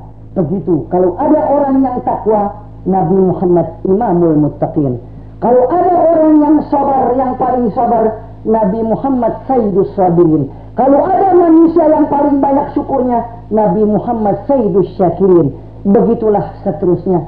Inilah pemimpin kita yang berani bertanggung jawab dari dunia sampai ke negeri akhirat. Di akhirat dia yang berdiri. Ummati, ummati, alaha, analaha. Umatku, umatku, aku baginya, aku untuknya. Semua manusia melutut. Semua ada di bendera Nabi di bawah liwa'ul hamdi. Ayat wa man tahta liwa'i yaumal qiyamah wala fakhar nafar fakhra wa bayyana al-haq wa adhara nikmatallah wa tahaddas di dalam kitab Ugudul Almas yang dikarang oleh Habib Alawi bin Tahir Al-Haddad Mufti Johor di dalam kitabnya mentafsirkan maknanya Adam wa man dunahu tahta liwa'i yaumal qiyamah wala fakhar nafar fakhra wa bayyana al-haq wa adhara nikmatallah wa tahaddas. Nabi menafikan kebanggaan. Dia menyatakan yang hak. Dia lahirkan nikmat Allah yang diberikan di atasnya. Semua bendera ribu tidak ada bendera berdiri di hari kiamat. Amerika benderanya tidak berkibar di padang mahsyar. Inggris tidak berkibar RRT tidak ada benderanya berkibar di padang mahsyar tidak ada yang berkibar bendera melainkan satu bendera yaitu liwaul hamdi bendera kepujian yang dipunyai oleh Nabi Muhammad SAW. Bukan macam di dunia ratusan bendera boleh berkibar di mana dewan keamanan. Besok di hari kiamat tidak ada bendera yang akan berkibar, melainkan satu saja bendera Nabi Muhammad, Nabi Adam, Nabi Nuh, Nabi Ibrahim, Nabi Musa, Nabi Isa, semua di bawah bendera Nabi Muhammad SAW. Ini pemimpin besar yang bertanggung jawab. Wa anta babullah ayyumri'in atahu min ghairika la yadkhulu. Engkau hai Muhammad pintu Allah. Siapa yang masuk tanpa menggunakan pintu engkau tidak bisa sampai kepada Allah. Sekian wal afu minkum. Wassalamualaikum warahmatullahi wabarakatuh. Assalamualaikum warahmatullahi wabarakatuh. Bismillahirrahmanirrahim الحمد لله رب العالمين والصلاة والسلام على أشرف المرسلين سيدنا محمد وعلى آله وصحبه أجمعين. أما بعد فقال الله تعالى في كتابه العزيز وعد الله الذين آمنوا وعملوا الصالحات منهم مغفرة وأجرا عظيما. Sadaqallahul azim. Para pendengar yang berbahagia, kita sebagai hamba Allah, khalifah di permukaan buminya, di dalam dunia sebelum negeri akhirat, sebelum waton hakiki akan kita masuki lebih dahulu dunia kita masuki. Dunia barang yang sebelum akhirat. Dunia suatu negeri, satu tempat yang mana saudara-saudara sekalian bagikan kapal untuk menuju negeri akhirat. Yang dituju waton hakiki yaitulah negeri kita yang kekal selama-lamanya. Saudara-saudara kita dalam dunia ini dengan lima tahapan tahap demi tahap kita lalui. Tahap pertama waktu kita telah dijadikan Allah makhluk yang disimpan di sulbi Nabi Allah Adam. Duriyah itu di mana sulbi Nabi Adam di sana disimpan Tuhan. Kemudian pindah min sulbin ila rahim wa min rahim ila sulbin wa min sulbin ila rahim sampailah kepada sulbi ayah kita dan rahim ibu kita. Sembilan bulan lamanya dalam perut ibu kita dipelihara Allah. Diatur kejadian manusia demikian cantiknya dan bagusnya. Bi ahsani taqwim dimasukkan ruh dalam kita waktu dalam perut ibu kita dan dapat bergerak dalam perut ibu kita dan masuk dapat rezeki sari dari apa yang dimakan oleh ibu kita? Dengan perantaraan ari-ari kita masuk ke dalam pusar kita dan masuk ke dalam perut kita dan diperbesar oleh Allah. Sampai kira-kira tiga setengah kilo atau tiga kilo dalam perut ibu kita dapat bergerak-gerak. Bila sebelum sampai dia punya waktu belum sampai waktu keluar biar berapa orang dokter, profesor belum waktunya tak dapat keluar. Tapi pada saat waktunya sampai yang ditentukan Tuhan keluarlah dengan mudahnya. Allah terangkan dalam Quran, "Tsumma sabila yassarah." Kemudian jalan keluar dimudahkan Tuhan. Summa sabila yassarah. Jalan keluarnya dimudahkan Tuhan. Tiga kilo keluar. Saudara-saudara sekalian. Summa amatahu fa'akbarah. Kalau umurnya tidak panjang, karena sudah ditulis, dia meninggal dunia. Maka yang meninggal dunia itu tak dapat lagi bertempat tinggal di permukaan bumi, dia mesti masuk ke perut bumi. Summa amatahu fa'akbarah. Kemudian Allah matikan dia. Maka orang itu masuk dalam kubur. Dikuburin. Tidak boleh dibakar. Orang yang di luar Islam mau bakar boleh saja. Lain. Bagi umat Islam mati tidak boleh disakiti. Pelahan-pelahan dimandikannya, dibawanya, direbahkannya pelahan-pelahan. Terhormat matinya sebagaimana terhormat waktu hidupnya. Dikubur dia. Summa amatahu fa'akbarah. Kemudian Allah sampaikan waktunya dia yang tertentu ajalnya fa'akbarah. Dikuburin buat orang yang rendah. Buat orang yang atasan dikit dikebumiin. Buat orang yang paling atas dimakomin. Dimakomkan katanya. Di taman ini dan di taman itu.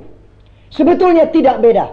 Dikuburin, dikebumiin, dimakomin. Sama diinjak-injak dalam bumi. Saudara-saudara. Sama. Sama sekali lagi. Sama. Cuma namanya lain. Saudara,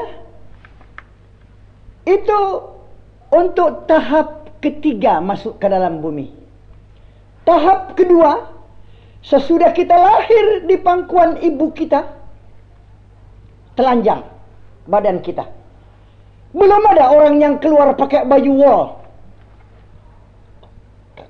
Belum ada orang yang keluar dari kalbu ibunya memakai rok memakai baju you can see. Belum ada. Semua telanjang keluar. Laki perempuan telanjang, auratnya kelihatan. Menangis dia keluar. Orang yang lihat tertawa. Sudah hari-hari kita ikut keluar. Dari situ Sari makanan masuk. Bukan dari mulutnya manusia yang kecil itu makan. Bukannya ibunya min makan nangka. Lantas anaknya di dalam pegang itu nangka masuk ke mulutnya. Tidak. Dengan sir ilahi, sari dari makanan itu dia masuk. Diperbesar Tuhan, saudara-saudara sekali. Allah subhanahu wa ta'ala berikan sampai dia besar. Tiga kilo, tiga kilo setengah keluarlah tahap kedua kita tinggal. Tahap kedua dengan rahmat Allah berkat kesian ibu kita diperbesar oleh ibu kita. Tahu kita bahwa rezeki kita itu ada disimpan Allah di mana tete ibu kita. Begitu disodorin, begitu kita buka mulut, dapat kita Minum dari air susu ibu kita. Ribuan liter lah. Kalau dua tahun lamanya kita minum. Allah subhanahu wa ta'ala kasih lihat. Keluar susu yang begitu putih. Min baini farsin wadamin. Antara najis dan darah keluar susu yang begitu putih dan menjadi rezeki bagi kita dengan takdir Allah. Siapa yang keluarkan susu yang putih itu? Dari mana datangnya? Dan menjadi rezeki yang besar sekali. Menjadi sebab besar badan seorang anak yang disusukan itu. Besar-besar. Bukan satu bulan, dua bulan. Berpuluhan bulan kita dirawat. Sampai kita besar. Lantas kita diberatkan syarat mukallaf namanya. Dalam bahasa agama mukallaf. Tamyiz. Tamyiz. Anak ini sudah tamyiz. Sudah bisa membedakan barang bersih dan barang kotor. Tamyiz. Masih kecil dia tidak tahu. Coba umur dua tahun. Dia merangkang. Dia tidak kenal. Umur satu tahun setengah. Boleh jadi najisnya dia makan. Boleh jadi ada tai ayam dia makan. Tapi itu dididiknya. Dipelihara, dipeliharanya, diasuhnya. Kalau sudah besar lagi ada akalnya dididiknya maka tambah hari, tambah akalnya, tambah badannya, besarnya terus menerus sampai bisa jalan, bisa lari, bisa naik sepeda satu kali. Satu kali dia sudah mumayyiz, dimasukkan dia ada belajar. Itu amanat dari Allah. Tuhan pesan ya ayuhalladzina amanu La takhunullaha war rasula wa takhunu amanatikum wa antum ta'lamun. Hai orang yang beriman. Jangan kamu khianati Allah.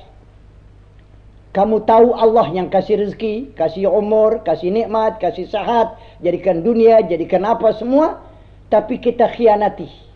Perintahnya kita tinggal, larangannya kita sengaja kerjakan. Khianat kita kepada Allah cuma mengakui Allah Maha Esa. Tapi kita khianati. Allah yang berfirman, Ya ayuhalladzina amanu. Hai orang yang beriman. Jangan kamu khianati Allah. Kamu sebut Allah Maha Esa. Tapi kamu sengaja hancurkan agamanya. Warasulah. Jangan kamu khianati kepada Rasul. Yang membimbing kamu. Yang diutus untuk memberikan adalah kepada kamu daripada apa yang bakal jadi selamat dunia dan akhirat dibawanya oleh Rasul yang diutus oleh Allah pembimbing penyelamat untuk kita kenal kepada Allah biwasitatir Rasul dengan wasitah Rasul ini Rasul kita tidak mau pakai Rasul kita nggak sebut-sebut Rasul kita nggak tahu apa apa yang diperintah syariat. Cuman kita kenal Tuhan Maha Esa. Saudara-saudara sekalian tak sempurna. Tidak manusia bisa kenal kepada Allah tanpa Rasul. Manusia yang masih kecil merangkak. Belum bisa jalan. Belum kenal beda antara kotor dengan bersih. Najis dengan lainnya makanan Najisnya boleh jadi dia makan. Dari itu diasuhnya oleh ibunya atau pembantunya. Dijagakan. Jangan sampai dia makan najis. Manusia demikian dibimbing oleh Rasul supaya kenal kepada Allah yang jadikan kita dan jadikan alam semesta. Sebagaimana anak kecil itu diasuh dan yang mengasuh kita yaitu para ambiya dan mursalin yang diwahyukan oleh Allah biwasitati Jibril Amin membawa syariatil gharra. Syariat yang sudah terang benderang. Tapi manusia yuhibbunal ama mencintai dan lebih suka buta dari melek kata Quran. Yuhibbunal ama mencintai buta dari melek. Diberikan petunjuk tak mau. Khianatlah kita kepada Allah yang Tuhan pesan Ya ayuhalladzina amanu la takhunullaha war rasulah dan jangan kamu khianati rasul. Rasul kita tak mau pakai. Enggak sebut-sebut nama Nabi Muhammad. Nama Nabi Muhammad satu kelima dia tidak sebut. Siapa itu Nabi Muhammad? Dari mula pidato sampai habis setengah jam lebih. Tidak ada Nabi Muhammad disebut wala syariat yang dibawa oleh Nabi Muhammad. Saudara-saudara sekalian. Biar bagaimanapun ucapan yang muluk-muluk itu tanpa Nabi Muhammad tak diterima. Tidak, tidak diterima. Tuhan sudah katakan la takhunullaha war rasulah. Jangan khianat kepada Allah dan Rasul. Wa takhunu amanatikum. Ai wala takhunu amanatikum. Jangan kamu khianati amanat yang Allah titip kepada kamu. satu masa amanat yang Tuhan titip akan kita store kepada yang mengasihinya. Harta dan anak ahli itu amanat dari Tuhan. Wa mal malu wal ahluna illa wada'i'u wala budda yauman anturaddal wada'i'u. Tidak ada ahli dan harta melainkan titipan Allah. Harta kita titipan Allah, Allah yang punya, hanya kita kasir, pegang kunci. Itu harta bukan kita punya. Allah khitab kepada Nabi Daud, "Ya Daud, al-malu mali wal fuqara'u iyali wal aghniya'u hukalai." Fa in bakhila hukalai ala iyali adaktuhum wabali wala ubali. Hai Daud, harta itu aku yang punya. Dan orang yang miskin itu iyalku. Orang yang kupelihara penjagaanku. Orang yang kaya wakil aku. Orang kaya yang kaya yang bermiliun-miliun hartanya, yang beratus, yang jutawan, yang mana pun orang yang kaya yang lebih hidupnya daripadanya, itu hartanya aku yang punya. Dan dia hanya kasir saja. Malu mali, harta itu aku yang punya. Agnia ukalai, orang yang kaya wakil aku. Fa'in bakhila ukalai ala iyali. Kalau orang yang kaya pahit, tidak keluarkan hartanya untuk menolong orang yang kupelihara dari orang yang miskin itu, aku akan timpakan mereka. Azabku aku lempar dia dalam seksa. Aku tidak peduli siapa pun orang itu. Asal dia jadi orang yang kaya bakhil dan likikir tidak mengesihani orang yang kupelihara itu daripada iyalku. Maka itu saudara amanat namanya. Pada satu hari nanti amanat. Wala buddha yauman anturaddal wada'iu. Dan tak boleh tidak pada satu hari yauman. Dengan tidak pakai alif lam. Yauman. Dari besarnya hari. Hari kiamat nanti dikembalikanlah apa yang dititip oleh Allah kepada kita, harta kita. Min aina iktasabtahu? Dari mana kau cari? Dan ke mana kau infakkan harta itu? Begitu Allah khitab kepada Nabi Daud alaihi salatu wassalam. Jadi saudara-saudara sekalian, mari di tahap kedua ini Sesudah kita mukalaf tidak lama lagi akil balik namanya. Orang yang sudah akil balik diberatkan syarat atasnya untuk dia berbakti kepada Allah. Dicatat oleh malaikat kiraman katibin apa yang kita kerjakan, baik atau buruk. Sampai kapan? Sampai mata tertutup. Berhentilah malaikat menulis. Itu tahap kedua kita hidup mati datang, tidak boleh lagi duduk di atas kursi jok. Tidak berhak lagi tidur di mana tempat tidur karet busa yang lembut itu dengan spray yang begitu bersih dan halus. Di sampingnya istrinya yang cantik. Tidak boleh lagi. Bahkan istrinya tak mau berani dekat lagi kepadanya. Tidak berhak lagi tinggal di kamar yang ada AC-nya tidak berhak maka dia berhak kurung batang akan masuk ke dalam liang kubur untuk masa yang lama. Berangkatlah meninggalkan tahap kedua dan masuklah ke tahap ketiga yaitu kubur. Itulah maknanya fa'akbarah dikuburin kalau sudah sampai ajalnya. Tidak boleh dibakar. Kalau boleh dibakar tentu Tuhan berfirman Summa amatahu fa'ahraqah. Kemudian dimatikan maka dibakar. Kalau ada manusia pendapat orang muslim harus dibakar. Supaya jangan bikin sempit, bikin sempit bumi untuk orang yang hidup. Ini saudara tidak ada dalilnya dari Quran wala dari hadis. Tuhan katakan fa'akbarah dikuburkan. Sebab manusia asal tanah kembali pulang ke dalam tanah.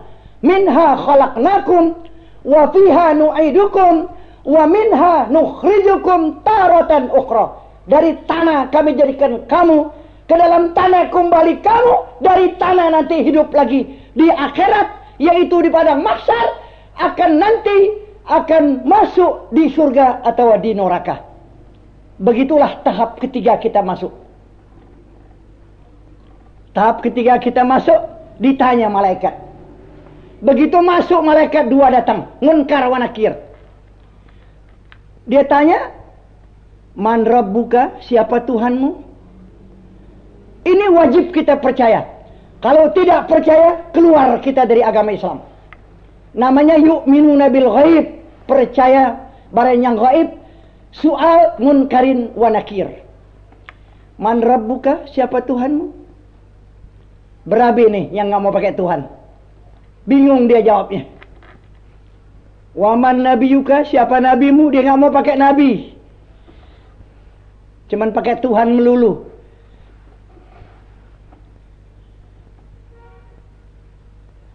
Wamadinuka, kamu beragama apa? Berabi dia peridengker, tidak mau beragama. Wama giblatuka, giblatmu mana? Ha, ditanya kiblat kita mana? Ingat saudara, wal Ka'bah tu kiblati. Kiblat. Ka'bah itu kiblat aku. Jangan salah saudara. Wal Ka'bah tu kiblati. Ka'bah itu kiblat aku. Aku hadapi dia. Kiblat sembahyang kepada Tuhan arahnya satu yaitu ke kiblat Ka'bah Baitullah. Tak akan salah, saudara. Akan ditanya nanti. Wal Quran imami, wama imamuka? Wal Quran imami. Quran imam aku. Ah, Quran kita nggak tulis. Kata orang Jakarta, Jakarta pinggir nggak open. Ama Quran nggak open. Nggak colek-colek dia sama Quran apalagi baca. Di rumahnya nggak ada Quran. Ah, bakal ditanya saudara. Wal muslimun wal mu'minun ikhwani. Waktu ditanya waman ikhwanuka. Beruntunglah. Selamatlah ujian itu kita. Indal imtihan yukramul mar'u au yuhan. Di waktu ujian naik atau turun. Orang itu kalau diuji sama manusia aja artinya deg-degan. Kata orang Jakarta pinggir, artinya deg-degan dek dek pukulan jantungnya itu karena ada yang kita pikirin dan yang kita ngeri. Jadi hati kita deg-degan. Indal imtihan waktu ujian. Diuji di dunia. Seorang dosen umpamanya. Menguji. Yang kita kenal dosen itu manusia. Kita nulisnya juga menulisnya deg-degan gemeteran tangan kita. Jawab kita ke bibir. Saudara manusia bagaimana malaikat yang bakal uji kita? Ah diuji. Dari itu indal imtihan waktu imtihan naik atau turun.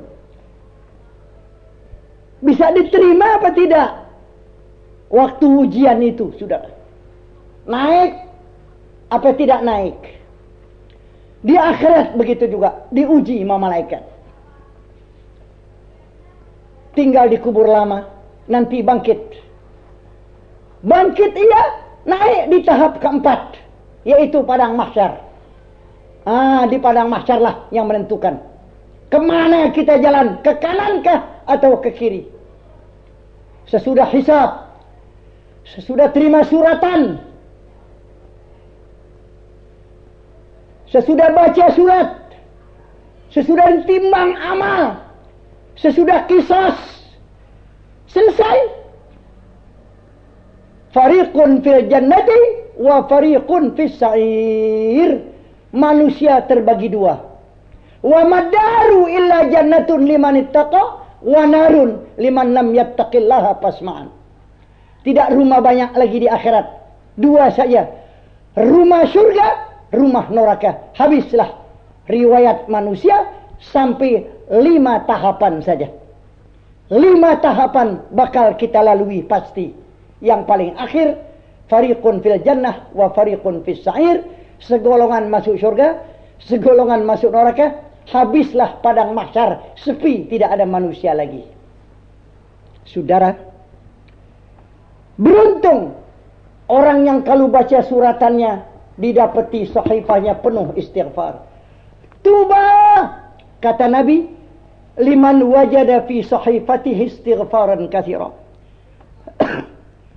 Beruntung orang yang banyak istighfar kembali tobat kepada Allah menjunjung perintahnya. Di mana suratannya istighfarnya banyak diampuni dosanya. Saudara, itu iblis pintar sekali. Nabi pernah sabdakan dalam hadis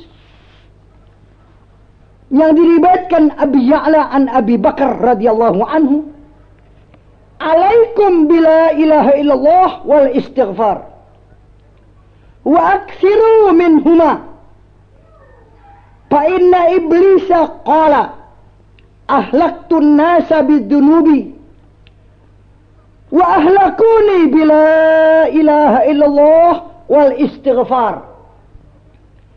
Falamma ra'aitu dhalika ahlaktuhum bil ahwa wa hum yahsabuna annahum muhtadun. Lazimkan kamu dengan la ilaha illallah. Sebentar-sebentar ingat kepada Tuhan dengan menyebut la ilaha illallah. Dan istighfar. Astaghfirullah. Astaghfirullah wa atubu ilaih. Wa aksiru minhuma. Perbanyakkanlah daripada zikrullah dan istighfar. Itu iblis qala berkata ahlaktun nasa bidunub. Aku hancur binasakan manusia dengan dosa. Itu dosa membuat hancur manusia digoda oleh iblis supaya manusia senang berbuat dosa. Tapi kata iblis begini wa ahlakuni bila ilallah wal istighfar mereka manusia membinasakan aku dengan la ilaha illallah dan istighfar syaitan berkata Iblis berkata, "Falamma ra'aitu dzalika" Tatkala aku lihat manusia banyak mengucap la ilaha illallah dan istighfar, ingat kepada Tuhan dan taubat, ahlaktuhum bil ahwa. Aku binasakan mereka dengan hawa nafsu. Wahum yahsabuna annahum muhtadun. Mereka manusia mengira bahwa mereka dapat petunjuk. Walhal mereka sudah hancur dalam petunjuk itu. Begitu kata iblis, aku binasakan mereka dengan ahwa. Manusia binasakan iblis dengan la ilaha Allah dan istighfar. Iblis berkata, aku juga bisa binasakan manusia. Yaitulah dengan hawa. Dan dia merasa dirinya bahwasanya dia dapat petunjuk. Walhal dia sudah jauh daripada petunjuk yang demikian. Maka saudara-saudara, inilah yang dapat kami sampaikan. Dan mudah-mudahan kita dapat memperbanyak la ilaha illallah.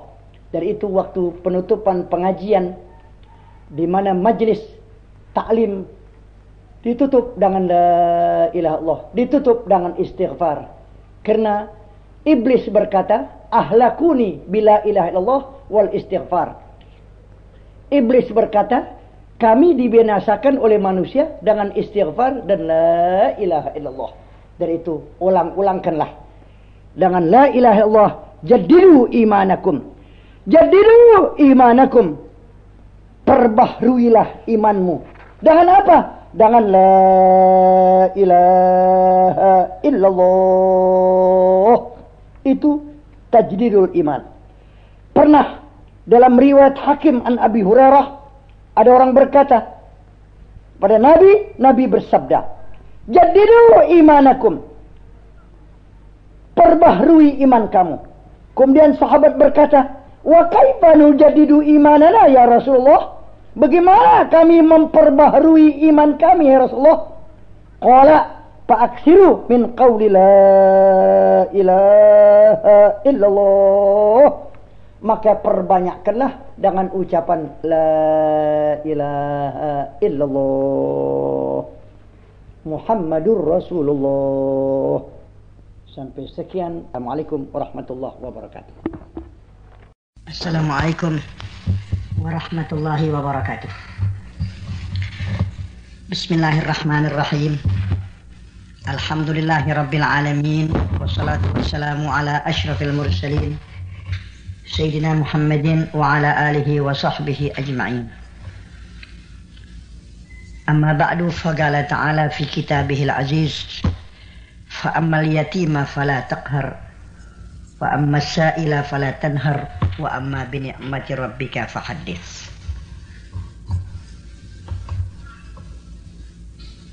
وقال النبي صلى الله عليه وسلم أنا وكافل اليتيم له ولغيره كهاتين في الجنة ويشير بأسبوعيه السبابة والوسطى. وقال الله تعالى لداود عليه الصلاة والسلام كن لليتيم كالأب الرحيم. وقال رسول الله صلى الله عليه وسلم إن اليتيم إذا ضرب اهتز عرش الرحمن لبكائه. فيقول الله تعالى يا ملائكتي من أبكى الذي غيبت أباه في التراب وهو أعلم به. إلى آخر الحديث. Saudara-saudara, di mana saja saudara dapat menangkap siarannya dan selamat berbahagia menikmati nikmat Allah yang sangat banyak bilangnya. Wa asbagha alaikum ni'amahu zahiratan wa batinah. Wa qala aidan wa in ta'uddu ni'matallahi la tuhsuha. Semoga kita bersama dikurniai taufik wal hidayah dan diberkati umur kita. Dan pula kita memohon dalam menginjak tahun yang baru ini Allah Subhanahu wa taala mudah-mudahan berkati bagi kita sekalian bersama dalam menginjak tahun yang baru ini saudara-saudara. Dijadikan amal mukbil min abrakil a'wam alaina. Semoga Tuhan menjadikan tahun yang kita hadapi ini tahun yang lebih diberkati daripada tahun-tahun yang dahulu dan tahun ini lebih keberkahannya. Semoga demikian hendaknya diterima oleh Allah permintaan kita kepadanya. Saudara-saudara sekalian,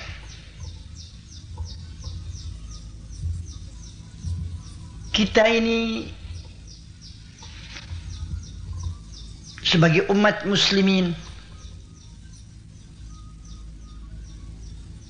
yang bakal mendapat kemerdekaan yang kekal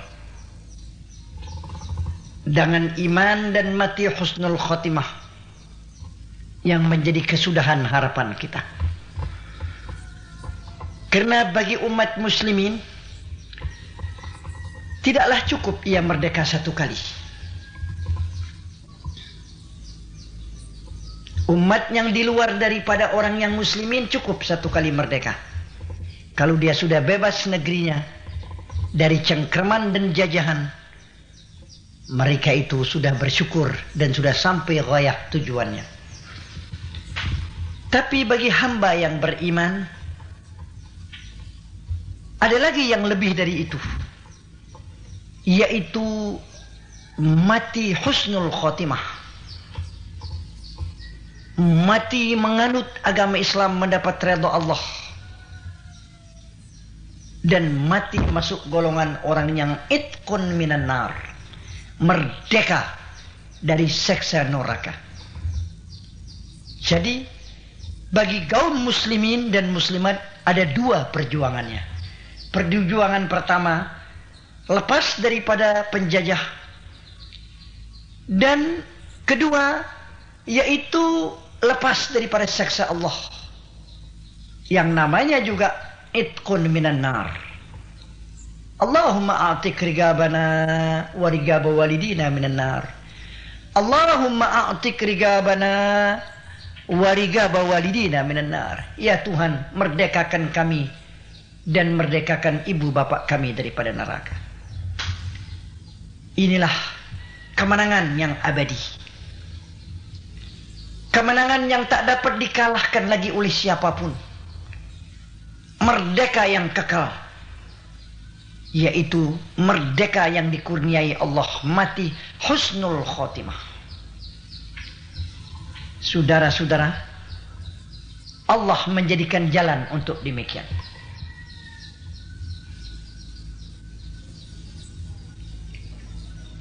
Mati husnul khotimah kemenangan yang terakhir. Yang tak dapat dikalahkan lagi kalau orang itu sudah selamat. Tidak tergelincir iman waktu dicabut. Tetap ia menganut agama yang diradoi Tuhan. Tetap ia menganut agama Islam. Yang agamanya itu namanya dari Tuhan. Inna dina indallahil Islam. Waraditu lakumul Islam Madinah. Namanya langsung dari Tuhan. Karena dia Esa, dia satu. Qurannya satu. Ka'bahnya satu. Juga agamanya satu. Al-Islam. Inilah. Saudara-saudara. Dari itu layak bagi kita. Memohon kepada Tuhan. Ya dal jalali wal ikram. Amitna ala dinil Islam. Hai Tuhan yang mempunyai kebesaran dan kemuliaan. Wafatkanlah kami atau matikan kami dalam menganut agama Islam. Karena di luar dari Islam tidak akan bahagia besok. Terang dengan belak-belakan Tuhan katakan, "Wa may yabtaghi ghairal islami dinan fala minhu wa huwa fil akhirati minal khasirin." Orang yang menuntut mencoba-coba keluar dari agama Islam ingin mendapat bahagia tidak akan bahagia mereka. Mereka nanti besok rugi yaumul qiyamah. Kalau ini ayat mendapat tempat di hati manusia tidak ada orang yang di luar itu. Tidak ada orang yang di luar itu saudara. Kalau ayat ini mendapat tempat kalau dia percaya Al-Quran wa may yabtaghi ghairal islami dinan fala yuqbala minhu wa huwa fil akhirati minal khasirin. Ayat ini belak-belakan dunia boleh baca. Saudara-saudara sekalian pendengar yang terhormat. Tapi dalam menganut agama Islam sungguh besar sekali mendapat ujian-ujian. Agama Islam diuji macam-macam ujian. Tapi memang biasa barang yang mahal yang dapat ujian. Jamrut diuji. Berlian diuji. Emas diuji. Tapi kalau yang murah selamanya tidak dapat ujian. Loyang, timah, nikel, berlian, kuningan tidak diuji. biar kita pakai berapa banyak tidak dihasut orang. Ada seorang memakai gelang kuningan sampai dari pergelangan tangannya ke sikutnya, ke sikunya, orang nggak bakal pikiran. Nggak ada orang hasut. Rantai tebar kita tebarkan di dada kita beberapa ratus gram tapi dari kuningan tidak kurang 101 mata di mana dada kita. Tapi bukan berlian. Biasa beling. Hampir kayak berlian. Tidak ada manusia mau hasut, mau rampas. Dikunde orang perempuan, dikunde seorang wanita yang besar. Dengan memakai tusuk kundi yang bergoyang-goyang. Goyang itu tusuk kundi.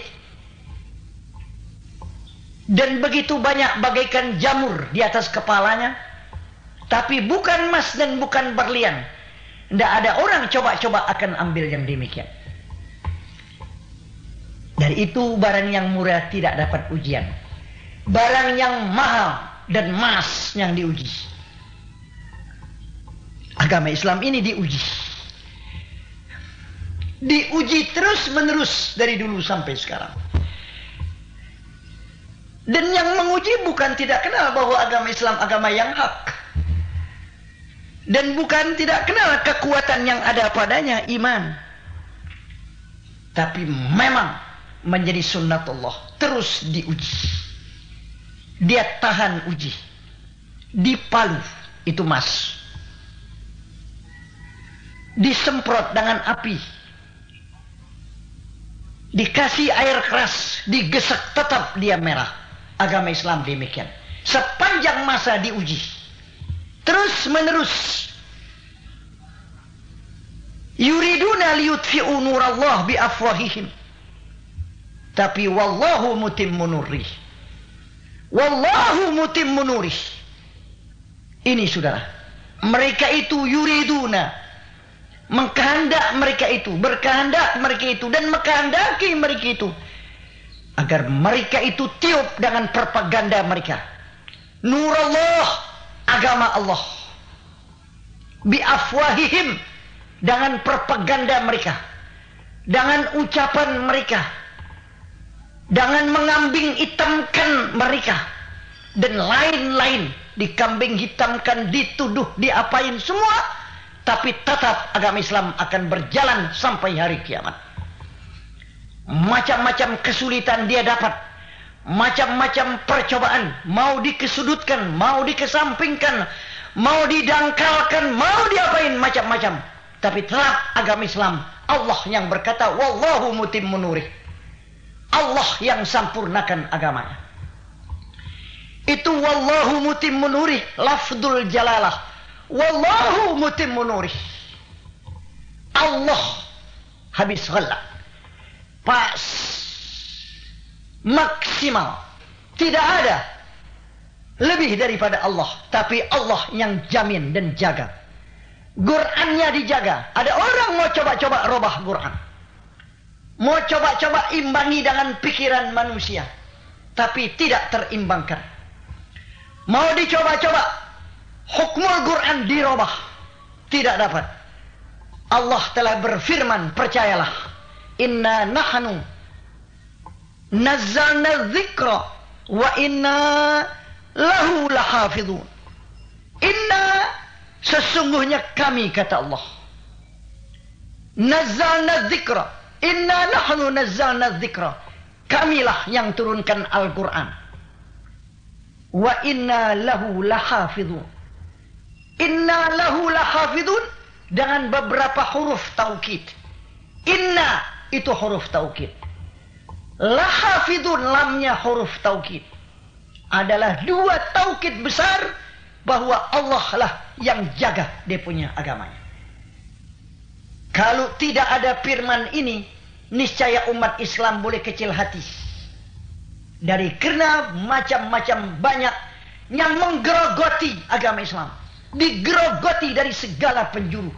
Ingin kalau Islam itu dangkal keadaan. Namun tidak. Agama Islam adalah agama yang namanya diairkan Tuhan. Langsung dari atas langit namanya waraditu lakumul Islam dina. Bukan bikinan manusia.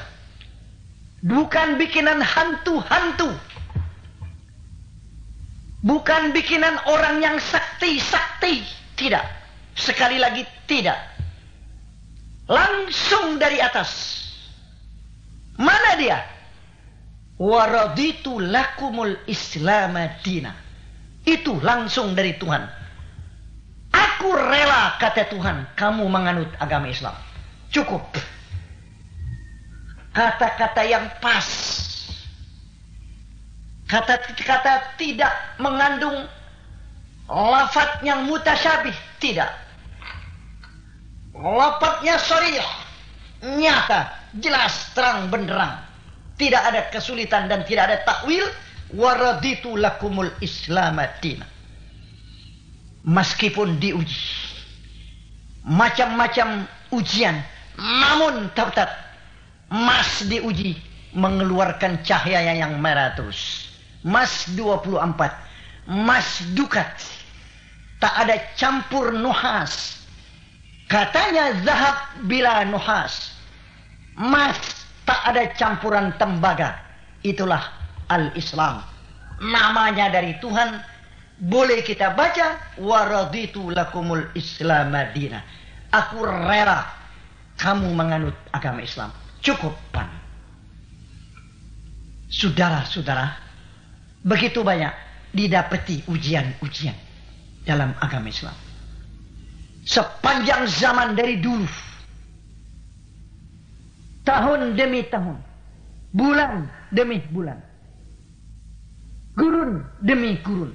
Terus ujiannya tak ada hingga. Dari zaman dahulu sampai zaman sekarang. Kenapa? Dia semakin diuji, semakin dia berikan dia punya sinar, semakin diuji. Bagaikan kayu nangka galinya. Bulukan dilihat dari luar coba jajal surut.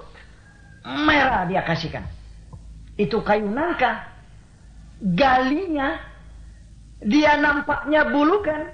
Tapi coba jajal surut. Keluar dia merahnya. Begitulah agama yang diredoi Tuhan. Tidak dipoles-poles.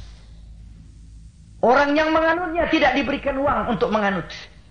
Tidak diberikan janji-janji untuk menganut. Kalau kamu menganut agama ini, diberikan uang, diberikan bantuan, diberikan jajan, diberikan ini dan itu. Tidak ada dalam agama Islam. Agama yang la ikraha fid dini qad tabayyana rusdu minal ghai. Tidak ada paksaan untuk memeluk agama Islam. Boleh pilih, jangan khiyar. Dari itu Nabi berkata, di waktu kemenangan yang tak ada tara bandingnya, di mana putuh negeri Makkah, Nabi rela memberikan tasamuh yang tak ada tara bandingnya dalam riwayat dunia. Ya ma'syara Quraisyin, ma tadunnuna anni fa'ilun ghada, ma fa'ilun bikum? Ya ma'syara Quraisyin, ma tadunnuna anni fa'ilun bikum? Galu khaira akhun karim wabnu akhin karim. Izhabu wa antumut tulaqa itu saudara. Di dalam kemenangan yang tak ada bareng bandingnya lawannya dimaafkan. Lawannya tidak dibalas apa yang kamu kira aku akan putuskan pada hari ini Mereka itu berkata, khairah, putusan Tuhan, putusan Rasul baik. Nabi berkata, ilhabu wa antumut. Berangkatlah kamu meninggalkan tempat ini, kamu dibebaskan. Tidak dibunuh, tidak diantenir, tidak diseksa, dan tidak, tidak, tidak kamu boleh pilih boleh masuk Islam atau tidak. Begitu Nabi kita mempunyai hati tasamuh yang tidak ada tara bandingnya. Nabi melihat orang yang membuat kesalahan yang besar terhadap Nabi sebelum Nabi hijrah. Dia sangat menyakiti Nabi tatkala mereka tertangkap sudah. Dan dalam hatinya tak ada harapan untuk hidup, pasti akan dibalas. Di depan Nabi dia gigil. Gigil itu bahasa pinggir kota. Gemeter, ngoplok, kata orang yang tinggal di pinggir kota. Ngoplok, beradu lututnya dari sangat takut. Nabi berkata, "Hawin, hawin alaik, fa inni lastu bimalik." Innama ana ibnu mura'atin min Quraisyin kanat ta'kulul gadid. Lihat Nabi kita. Ada orang ngoplok, gigil ketakutan. Boleh mati dari ketakutannya. Nabi bilang, mudah, mudah. Tidak usah begitu takut. Aku anak seorang, seorang wanita bangsa Quraisy. Ibuku makan dendeng kering. Makan dendeng dijemur. Artinya Nabi merendahkan diri. Bukan aku orang yang kejam. Tidak usah takut. Baru berhenti ngopoknya orang itu. Lihat ini pemimpin besar. Buka wahai dunia. Bagaimana leadership kepemimpinan Nabi kita Muhammad SAW yang tak ada tara bandingnya. Keliru kalau manusia mengatakan bahwa agama Islam itu ditundukkan orang yang masuk dengan bajunet dan kekerasan. Tidak ada. Boleh baca di mana tarikh. Itu orang yang mau kelirukan daripada yang demikian. Dalam agama Islam tidak ada kekejaman. Al-Islam itu agama damai. Begitu yang diturunkan yang hak. Cuma ada mata yang tidak mau lihat. Silau dia lihat. Ma yadurru syamsu wa hiya tali'atun. Idza lam yaral nuriha. Tidak membahayakan bagi matahari kalau dia sudah menyorot. Matahari sudah naik. Sekalipun kampret-kampret tidak sanggup lihat cahaya itu. Tetap matahari tidak menjadi bahaya. Matahari akan bersinar. Matahari membawa penghidupan yang besar bagi umat manusia dan makhluk. Matahari mempunyai hikmah-hikmah yang besar dan besar sekali manfaatnya. Tidak akan berbahaya bagi matahari kalau dia sudah bersinar naik. Menyorot apabila kampret tidak sanggup melihat di punya cahayanya. Orang yang hasut kepada agama Islam itu matahari tetap naik ke atasnya. Dan manusia itu akan pulang nanti diadili oleh Allah. Menghadap kepada Allah. Karena ada bagian min indi anfusihim. Sentimen kepada agama yang diredoi oleh Allah subhanahu wa ta'ala. Saudara-saudara. Bagi agama Islam dan pemeluknya. Teruslah kita yaklukan agama kita. Al-Islam ya'lu wa la alaih. Betul. Tapi kita mesti yaklukan, dia tidak yaklu sendiri. Kita yaklukan. Dalam pada itu, saudara-saudara sekalian, dilihat oleh orang yang di luar Islam betapa miskinnya umat Islam. Betapa kekurangannya dalam umat Islam. Itu yang dilihat oleh orang. Meskipun agamanya diridhoi Tuhan. Itu katanya menjadi dasar kepada mereka itu. Dan dilihatnya begitu keadaannya. Tapi saudara, kita tetap dalam agama yang diridhoi Tuhan. Meskipun dalam illah, gillah, zillah, terus inilah satu-satunya yang mana kita dalam ujian yang banyak sekali. Karena kekeliruan-kekeliruan sebagian daripada umat muslimin yang tidak menuntut agama yang diridhoi Tuhan daripada ilmu agama itu. Disebabkan itulah menjadi kemundurannya umat Islam. Limadha ta'akhara al-muslimun wa tagaddama ghairuhum? Itu lantaran kita tarkil ilim. Wa adamil ittihad. Lantaran kita meninggalkan ilmu yang diwajibkan Allah tuntutnya. Dan kita tidak mempunyai persatuan. Dan tidak bersatu. Saudara-saudara. Lidi, sapu lidi. Satu sapu lidi hampir tidak ada gunanya. Satu lidi hampir tidak ada gunanya. Paling banyak gunanya dipatahin ujungnya buat tusuk gigi yang nyelit daripada kekotoran makanan. Atau satu lidi anak kecil kolongin di punya ujungnya dengan ramat. Diikat capung bintik untuk menangkap capung bangkong. Ini waktu dulu. Sekarang tidak ada orang main demikian. Satu lidi tidak dapat menolak sampah. Dan tidak dapat membunuh seekor lalat. Tapi saudara yang begitu getas sambil ngantuk mudah kita patahin. Lagi ngantuk patahin satu lidi masih mudah-mudah. Apalagi waktu kita segar, waktu kita jaga. Tapi kita tidak boleh lupa bila sapu lidi yang begitu getas yang tidak ada manfaatnya kalau satu tapi dia bersatu, dia bergabung. Beberapa ratus sapu lidi yang getas tadi diikat dengan ikatan yang kuat Panggil orang yang kuat tenaganya, suruh patahin sapu lidi itu. Tidak mudah patah. Dan pasti tidak patah. Tambahin lututnya lagi. Pegang ujung dengan pokolnya. Lantas di tengahnya lutut kita. Boleh kesumpet kita. Tapi sapu lidi tidak akan patah. Begitu manfaat. Manfaatnya persatuan sudah salah. Tapi sayang. Satu juta kali sayang kita baca. Wa'tasimu bihablillahi jami'an. Wala tafarraqu itu wala tafarraqu nahyun minal maula subhanahu wa ta'ala. Satu larangan dari Tuhan. Jangan kita tafarraqu. Wa'tasimu amrun minal maula. Perintah dari Tuhan supaya kita bersatu. Tapi ayat ini kita putar balik yang demikian. Kita tidak bersatu. Itulah kelemahan-kelemahan daripada umat muslimin. Saudara-saudara, mari kita kembali. Dalam bulan Muharram yang mulia awal sana dengan niat kita yang baik mari kita mempunyai persatuan dalam menegakkan syiar agamanya Allah dalam memeluk agama yang diredoi Allah dalam membangun bangunan-bangunan membantu pemerintah dalam membangun membantu syiar agama dalam membangun masjid-masjid musala madrasah-madrasah dan lain-lainnya Siarkanlah persatuan ini dijaga dengan sebaik-baiknya. Lihatlah dengan mata kita anak yatim. Begini banyak saudara. Terlantar mereka itu tak ada yang ajar.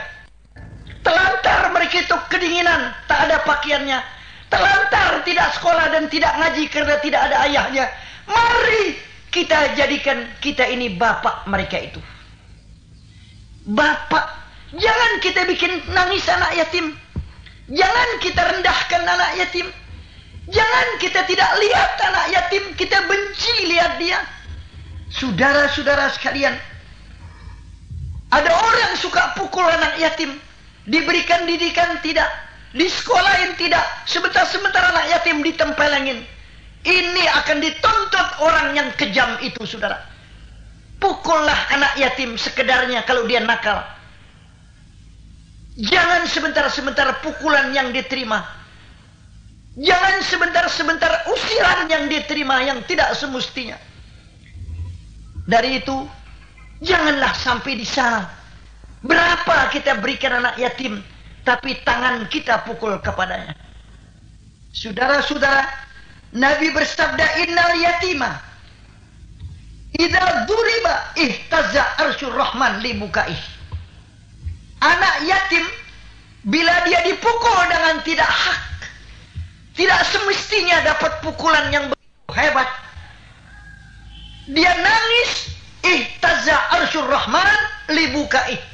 Aras yang begitu besar bergerak dia karena nangisnya anak yatim.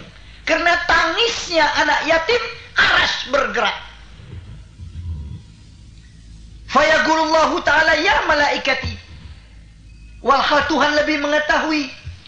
Malaikat itu ditanya Tuhan, "Man abkal ladzi ghayyabtu abahu fit turab wa huwa a'lamu bih?"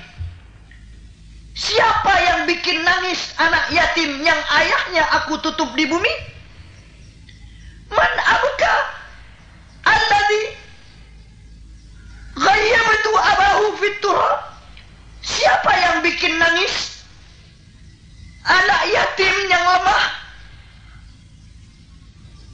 Yang aku kubur dan aku tutup bapaknya di bumi siapa yang bikin nangis? A'lamu wahal Allah lebih mengetahui. Tapi Tuhan tanya malaikat. Tagurul malaikah Rabbana la ilma lana ya Tuhan tidak ada ilmu bagi kami kami tidak tahu siapa yang bikin nangis Gola fa inni ushidukum. Aku jadikan kamu saksi. Hai malaikat, siapa yang redokan hati anak yatim, bikin hilang tangis anak yatim itu, aku akan redo dia daripada aku di mana hari kiamat nanti. Siapa yang bikin senang hati anak yatim, Tuhan akan redo kepada dia di hari kiamat nanti. Saudara jangan bikin anak yatim nangis. Kalau nanti upamanya ada tukang es, tukang makanan, anak kita kita beriin karena duit kita ada, di sebelah kita ada anak yatim, jangan kita luputin, berikan kepada dia. Kalau anak itu lari ke dalam rumahnya minta kepada ibunya, ibunya sedih. Ah katanya, ayahmu tidak ada, ibu nggak punya duit, nangis anak yatim itu. Kita nih tetangganya yang tidak meroikan anak yatim itu. Kita yang bikin tangis karena anak kita kita beliin. Atau mainan-mainan kita belikan. Jangan dieneng-enengin. Kata orang Jakarta pinggir. Kepada anak-anak yatim yang bapaknya tidak mampu belikan mainan itu. Ibunya. Nangis. Ibunya berkata, ya neng, sayang ibu lu nggak ayah lu nggak ada. Kalau ada ayahmu, ayahmu mampu barangkali beliin kamu mainan. Anak yatim itu nangis di depan ibunya karena melihat tetangganya yang begitu mewah.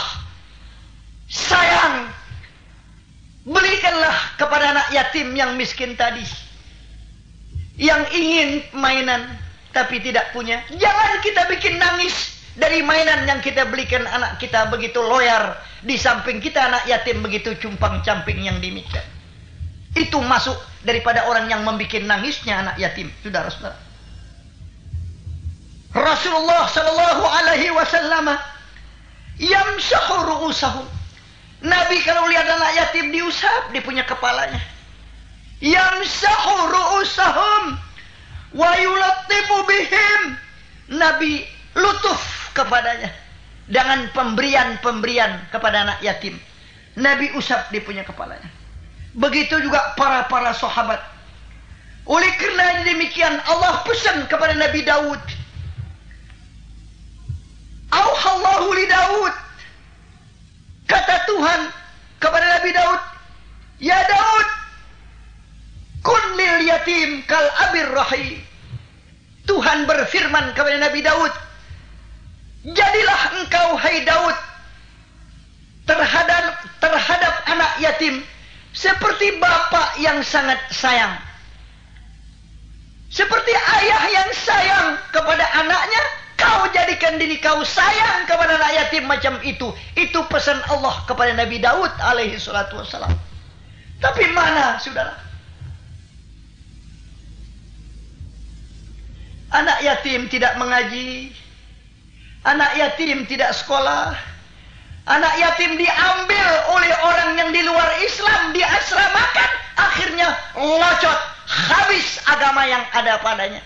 Macam mana sedih ayahnya? Macam mana ayahnya yang sudah meninggal dunia? Apalagi yatim piatu yang ibunya juga sudah meninggal dunia. Lantas nggak ada yang urus. Diambil oleh orang yang di luar Islam diasramakan. Habis agamanya. Aduh, macam mana ayah sedihnya dalam dia punya kuburnya. Dan itu saudara. Mari kita bantu. Mari kita masukkan ke madrasah. Kalau madrasah itu masih pakai bayaran untuk anak yatim. Mintalah keringanannya bagi orang yang memberikan bayaran dari pemilih-pemilihnya untuk bayar kepada anak yatim itu. Kalau andai kata demikian. Apalagi kalau ada dia dapat ialah bersekolah. Dapat ia ngaji. Tapi saudara sayang juga di mana sekolah-sekolah masih demikian keadaannya belum dapat. Karena gurunya juga memang dalam keadaan serba kekurangan. Dan alangkah baiknya kalau sekolah-sekolah pemerintah yang udah kaya itu memeriksa anak yatim untuk sekolah, jangan dikasih bayar kepada mereka. Apalagi yang bapak-bapaknya mati dalam berjuang di dalam merebut kemerdekaan, anaknya begitu banyak. Semua pray di mana sekolahnya dan bayarannya itu pray, pakaiannya juga pray. Macam mana kemurahan pemerintah menjadi makmur negara itu berkat doa anak yatim yang baik itu? Ada orang mengaku muslim piara anjing yang besar yang ongkosnya ribuan saban bulan. Anak yatim di samping rumahnya telantar yang demikian. Apakah tidak dituntut Tuhan? Ada orang anjing besar. Namanya anjingnya si Hella. Besar. Ribuan bahkan puluhan ribu. Satu hari makan susu sekian liter. Saban sehari makan daging sekian kilo. Mereka itu piara anjing di mana punya rumahnya mengaku muslim tapi anak yatim telantar lapar di sampingnya tidak diberikan makan saudara. Tapi anjing lebih terhormat dari anak yatim yang mana Tuhan pesan dalam Quran fa amal yatima fala takhar anak yatim anak yatim amanat dari Allah subhanahu wa ta'ala. Anjing lebih besar ongkosnya dari orang. Minumnya susu makannya daging apalagi yang besar yang nyohor itu tempat dia tidurnya itu anjing. Begitu dibawa sana dibawa sini dengan segala kebanggaan yang demikian. Anjing najis mughalladhah. Kalau dijilat lutut kita kita mesti setru. Dijilat kita punya bijana mesti setru. Kita piara begitu sayang. Kita anak yatim kita tidak piara. Ke mana iman yang dalam kita punya? Dada saudara-saudara sekalian anak yatim di mata kita yang begitu pesanan ana wa kafirul yatim lahu wa li ghairihi kahataini fil jannah wa yushiru bi usbu'aihi as-sabbabatu wal wusta. Begitu nabi sabdakan aku kepada orang yang menjamin mengurus anak yatim memberi makan memberi pakai anak yatim. Itu anak yatim lahu dan anak yatim li ghairihi. Artinya lahu pemilih. Li ghairihi anak yatim orang lain kita urus. Dia orang itu dekat kepada Nabi hampir besok. Banyak ia lihat kepada Nabi di surga disebabkan amalnya yang begitu baik saudara-saudara. Tapi sayang, ada orang lebih sayang anjingnya dari anak yatim yang dipesan oleh Allah Subhanahu wa taala. Saudara-saudara, Beruntung betul rumah yang ada anak yatim. Tuba lil bait alladhi fihil yatim. Beruntung kalau ada rumah ada anak yatimnya. Wa wailun lil bait alladhi fihil yatim. Artinya li ahli bait alladhi lam ya'rifu haqqal yatim. Cilaka dan binasa rumah yang ada anak yatim yang lam ya'rifu haqqal yatim yang tidak mengenal hak anak yatim. Anak yatim dizolimkan hartanya. Anak yatim diambil hartanya. Anak yatim dipinjam hartanya habis bakal modal dagang. Sampai anak yatim itu telantar dia tidak ganti yang demikian. Dan janda yang punya anak yatim banyak tidak laku. Dan ada janda yang anak yatim dia banyak laku karena kaya Katanya dengan dalih menjaga anak yatim. Mau berikan pelajaran. Tapi bukan itu tujuannya. Diingat ibunya hartanya banyak. Dia kawinkan yang demikian. Sampai habis hartanya dilepas. Itu janda dengan anak yatimnya. Itu bukan laki-laki namanya. Itu bandit laki-laki di dalam Islam saudara-saudara. Menyusahkan anak yatim beberapa orang. Karena ibunya kaya. Tapi ibunya kalau tidak kaya anak yatim banyak Sampai Noah ibunya tidak laku. Itu ada mata. Ialah mata duitan namanya. Melihat mau kawinkan karena uangnya. Untuk menyenangkan dirinya. Tapi anak yatim telantar. Akhirnya ibunya ditalak sesudah habis dia punya uangnya. Itu namanya ialah anak orang yang bikin pikirannya. Yaitulah orang yang mata uang. Dalam yang demikian untuk kesenangan. Janganlah sampai di sana saudara-saudara pikiran kita yang demikian. Besok tanggung jawab kita di hadapan subhanahu wa ta'ala amat berat yang demikian. Innal ladina ya'kuluna amwalal yatama zulman innama ya'kuluna fi butunihim nara wa sayaslawna sa'ira. Ay sayadkhuluna fil akhirah annar. Nabi berkata, orang yang makan harta anak yatim dulman itu dia makan dalam dia punya perutnya api dan akan masuk ke dalam neraka jahanam. Sayadkhuluna fil akhirah annar akan dimasukkan ke dalam neraka bagi orang makan harta anak yatim atau menjual rumah atau usaha anak yatim dihabiskan itu ialah yang disediakan neraka jahanam besok yaumul qiyamah naudzubillah. Nas'alullah al-afwa wal afiyah. Saudara-saudara, mari.